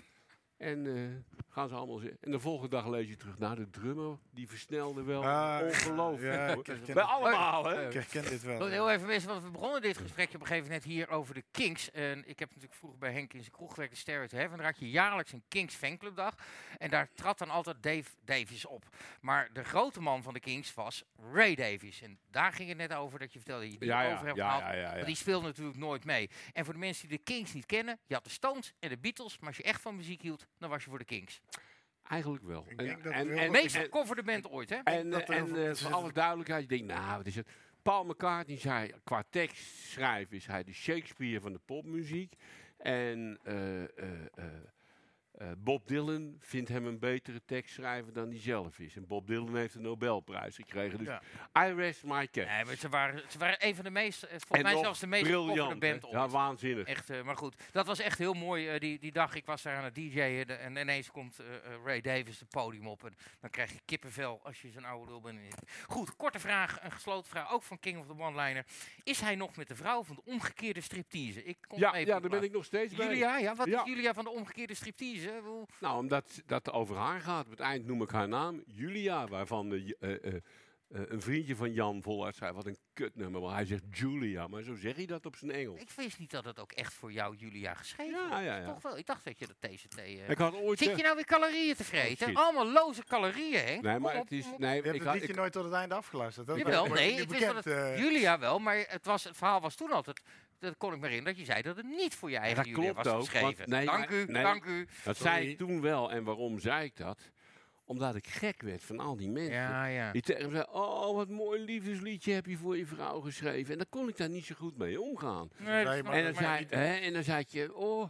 En zei ik, ah, joh, dat is helemaal niet voor mijn vrouw. Maar gewoon Romeo en Julia. En dan, Julia, nee, Julia, weet je. echt, Julia ik vind het een van de liefste vrouwen die ik ken. Ja, en een, eh, en een Ze heeft een keer stapel cassettebandjes geschreven met Dudley Moore co- co- comedy. Oh, leuk! Ja, Leuk, nee, Julia is een schat. Maar goed, we gaan snel door. La- Ja. Want we zijn er echt bijna doorheen. Eh, eh, ja, komt hij toch nog even voorbij over Baudet. Bent u het eens met de volgende stelling? Tiskal 2 is dit.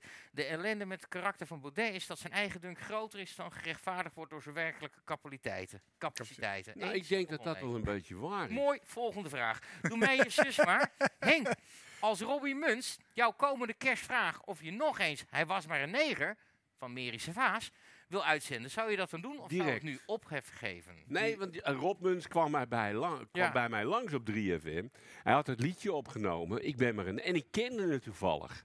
En hij Het zei... is "Nee." nummer van de zangeres zonder Ja, naam. en hij zei niet... Nee, zangeres zonder naam hebben we eigenlijk een eigen huis voor geschreven. Hè? Serieus? Die zou dat zingen, maar die was ziek.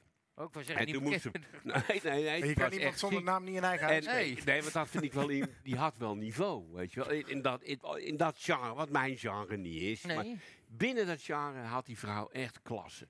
Maar het, het, om, om, ik meen dat het ziekte was. Om praktische redenen ging het niet door. Moest op het laatste moment een ander vinden. En eh, hij kwam binnen met die. Ik ben, maar- hij zei ja. Niemand durfde te draaien. Ik Nou, het is zo'n evergreen. En, maar toen had je het al, hè, het woord negen. Ik zei een anekdote. en Dit is geen. Ik probeer eens log te zijn, maar ook dit is geen. Is, is echt waar. Ik zat op de lagere school. En, Dit is weer vorige vorige eeuw. Ja. Vorige eeuw. Ja, dat vermoed En ik was een jaar Dat, hoeft- dat behoeft Ja. hier geen toelichting. En er kwam bij mij in de, in, eh, in de klas een donkere jongen. En we hadden ze verder niet. Nee. En dat was in de vijfde klas of zo. Dus ik kom thuis tegen me. Ik zei, wat heel leuk, jochie. En ik kom eh, thuis en eh, mijn vader we gingen het op school. Ik zei, nou zo leuk, we hebben nou een, eh, een zwarte jongen in de klas. Wat, dat zeg je nooit meer. Dat zeg je nooit meer. Mijn vader zei altijd, je slaat het er wel in, maar niet uit. Mijn vader sloeg nooit. Hij zei, als je dit nog één keer zegt, krijg je echt een klap voor je, voor je kop. Die mensen heten negers. En dit is geen grap. Ja, dit verandert iedere 20 jaar. En, en ik zei, oh, oh, so- sorry. Ik, ik, eh, Ik vind- nee, je, moet, je, je beledigt die mensen als je ze zwart noemt. Het zijn gewoon, wij zijn blanken, zij zijn negers. Tegenwoordig moet je ze van kleur noemen en dat vind ik weer ontzettend denigrerend Ja. de- denigrerend is het goede woord, ja. Je bent, kijk, ik discrimineer graag, maar uitsluitend op karakter. Ja, hele mooie, hele. En, het, is, eh, het is, eh, en het zal me echt helemaal worst wezen. Hoe, welk, wat dan ook, weet je. Ja, maar het, het ergste is dat je dat dus tegenwoordig toe moet gaan zitten lichten. Ja, ja, Ja, dat dat, is is eigenlijk wel waar. Dat is eigenlijk, eigenlijk had ik dat Het niet is moeten gewoon heel Het is vanzelfsprekend. hetzelfde als je... Ik als ga ervan uit dat je niet racistisch bent, Henk. Ja, en nee, dat maar het is- zo lul Het is het hetzelfde als je, als, je, en- als je zegt dat toevallig eh, Wilders is wat, zij wat heel verstandig was. En dat komt ook wel eens een dood enkele keer voor. En dat je erbij zegt, maar ik stem niet op hem. Weet je, ik ben zelf ook in die val. In die stem val. met alle respect. Maar, ik ben er zelf één keer in getuigd. Toen, we, toen wees iemand me erop. Dan zei ik, ja, ik heeft wel gelijk. Ik heb die tweet toch maar verwijderd. Als je een zin begint met, met alle respect, maar en dan komt er iets Ja, heel ja, ja, negatiefs. Ja, die beginnen met, met alle respect, hebben nooit iets nee, met die respect hebben nooit- maken. Nooit. Laatste vraag van de reaguurders van Black 65 of Black 65. En ik snapte de vraag niet en daarom heb ik hem erbij gestaan. Hoe heeft die gozer, en ik neem aan dat Ja. jou bedoelt, heeft die gozer, het jochie, ooit Fateless afgekondigd? Please stel hem deze vraag. Ik zou het bij God niet meer weten. Kennelijk. Ik heb het, wel, ik heb het wel gedaan hoor, maar ik weet het echt niet meer. En kan ik nou wel ter plekke iets bedenken? Nou, dat kan, doe maar. Maar eh, eh, Ook vaak. eh, eh, ze hebben geen geloof en ik geloof ook niet in ze. Weet je wel, zoiets. eh, Oké. eh, eh, ik bedoel, of, of ik, maar ik geloof wel in ze. Je kan er alle kanten mee op. Maar ik weet het echt niet meer. Het is, ik, heb, ik heb tienduizenden plaatjes aan en af. Weet je wat ik mooi vond? Jij, en, dat- en dat doet geen enkele DJ tegenwoordig meer. En de- al die plaatjes worden natuurlijk in een radio-edit gemaakt van Eh. max drie minuten. Ook bij kutnummers, wat jij verplicht was om te draaien, jij weigerde door muziek heen te praten. Nou niet ja, door een intro, mijn- niet door een mijn, outro. Mijn, mijn stelling was en is dat het slechtste intro beter is dan de Beste aankondiging. Ja, ja. Weet je, en ik vind het zo respectloos van, van, van en dat vind ik van alle discjockeys die het doen. En als ze een nummer van mij draaien, zeggen ze dat er altijd bij, dan praten ze er niet doorheen, weet je wel. vind ik het wel weer leuk. Nou ja, weet je, een liedje heeft een opbouw. Bedoel, je zegt ook niet, dit is een, dit is een boek. Zeg je ook niet, nou, de eerste tien pagina's, die scheuren we er maar even uit. En op het eind zit ook nog eens, oh, dat halen we maar even weg. Weet je, het is, het, liedjes zijn toch kleine mini-kunstwerken. het is ook een soort ego-dingetje geworden, eh, zo vat ik het altijd op van DJ's, eh, die, die eh, willen laten zien dat ze exact weten wanneer de zang Ja, begint of wanneer een bepaald... Maar dat hebben ze maar ze hebben een maar, het, maar het moet, het heet om de vaart in het programma te houden. Oh. Ze zeggen namelijk, en dat is, kijk, op een gegeven moment bestaat waanzin bij 3FM, bij alle radiostations. Weet je, wij zitten nou gezellig te praten. Ik heb mijn leven lang elk plaatje zittend aangekondigd. Op het eind van mijn carrière was ik de enige nog. Ja. Want iedereen ging staan. Want de baas had gezegd, je klinkt veel beter als je staat. Nou echt, ik heb elke plaat in mijn leven zo'n beetje zittend ingezongen. Zoals elke muzikant. Want als je zes uur staat, krijg je moeie benen.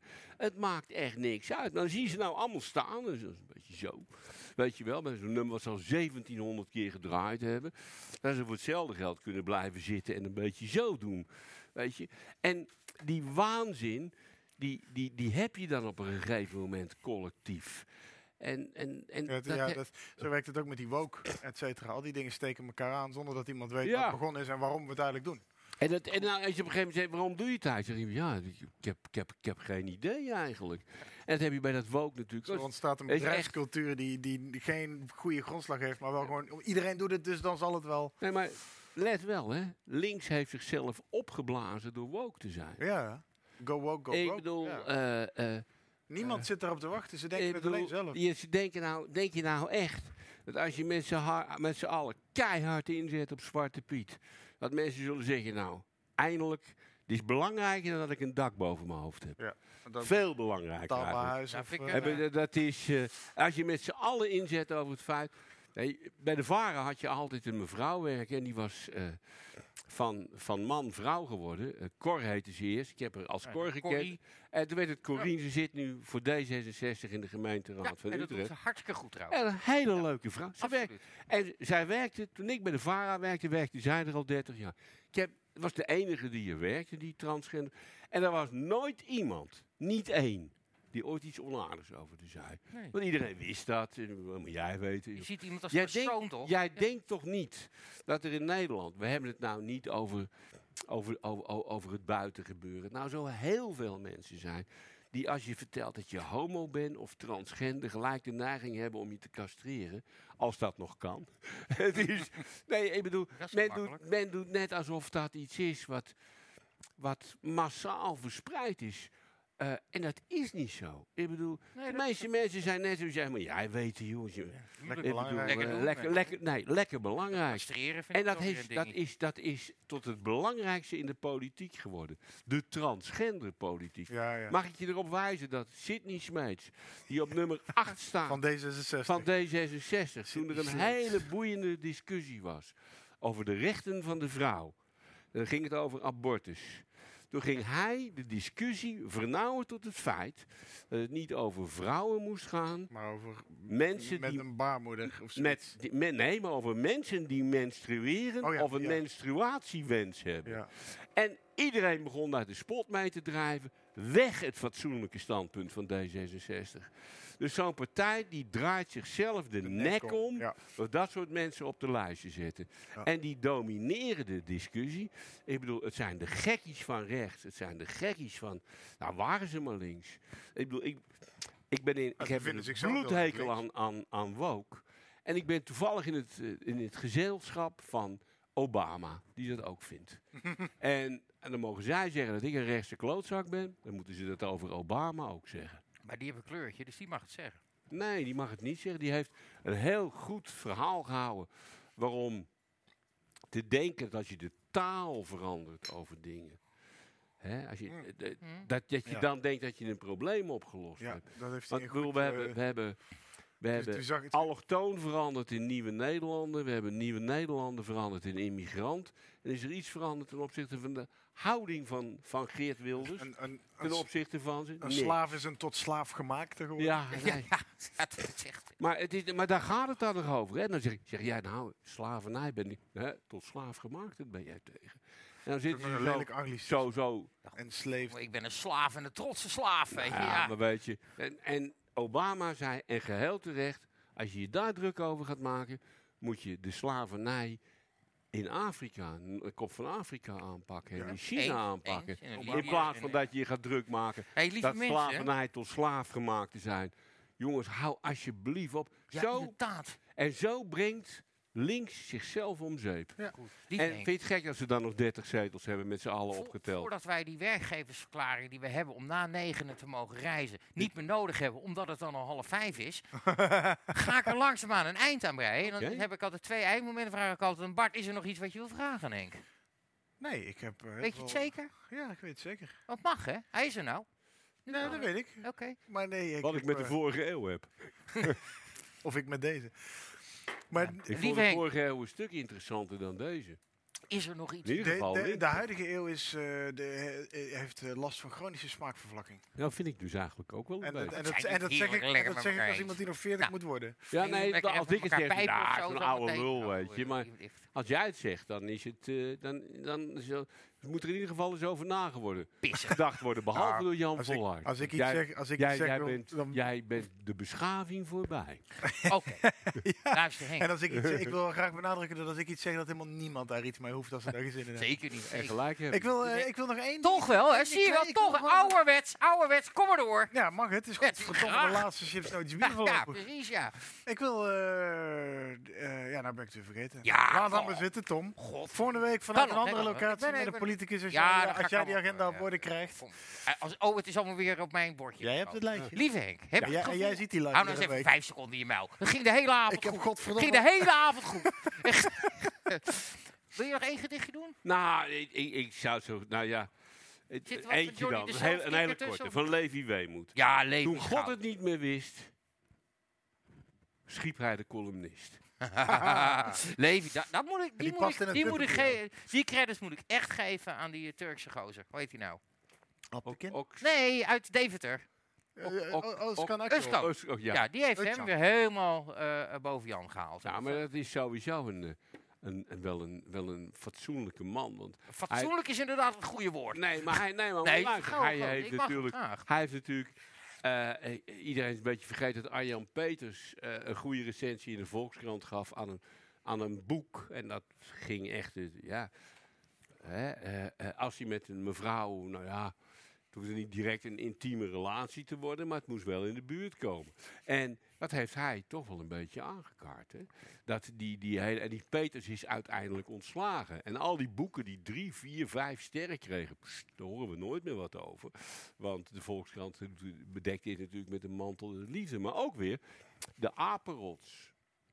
Het zijn die, het zijn die paar jongens die dus de smaken en bij boeken... Kijk, bij- bedoel, we zitten Jan Volhard een beetje te dishen, maar wie interesseert zich nou in Jan Volhard? Ja, ja, ik had nog nooit van Ik de beste man man, man die schrijft, Behalve dit verhaal ken die ik. schrijft al 50 jaar voor 100 euro een, een verhaaltje waarin hij een band om de wereld omhoog prijst die nooit wat wordt. Want als hij het goed vindt, weet je dat het nooit wat wordt. ik bedoel, maar bij literatuur ligt dat anders. Want dat heb ik zelf ook. Want dan denk je wel eens, nou, als het nou twee pagina's aan het boek, zou het best eens wat kunnen we zijn. En dan koop je dat, tenminste ik wel. En, eh, want ik lees graag.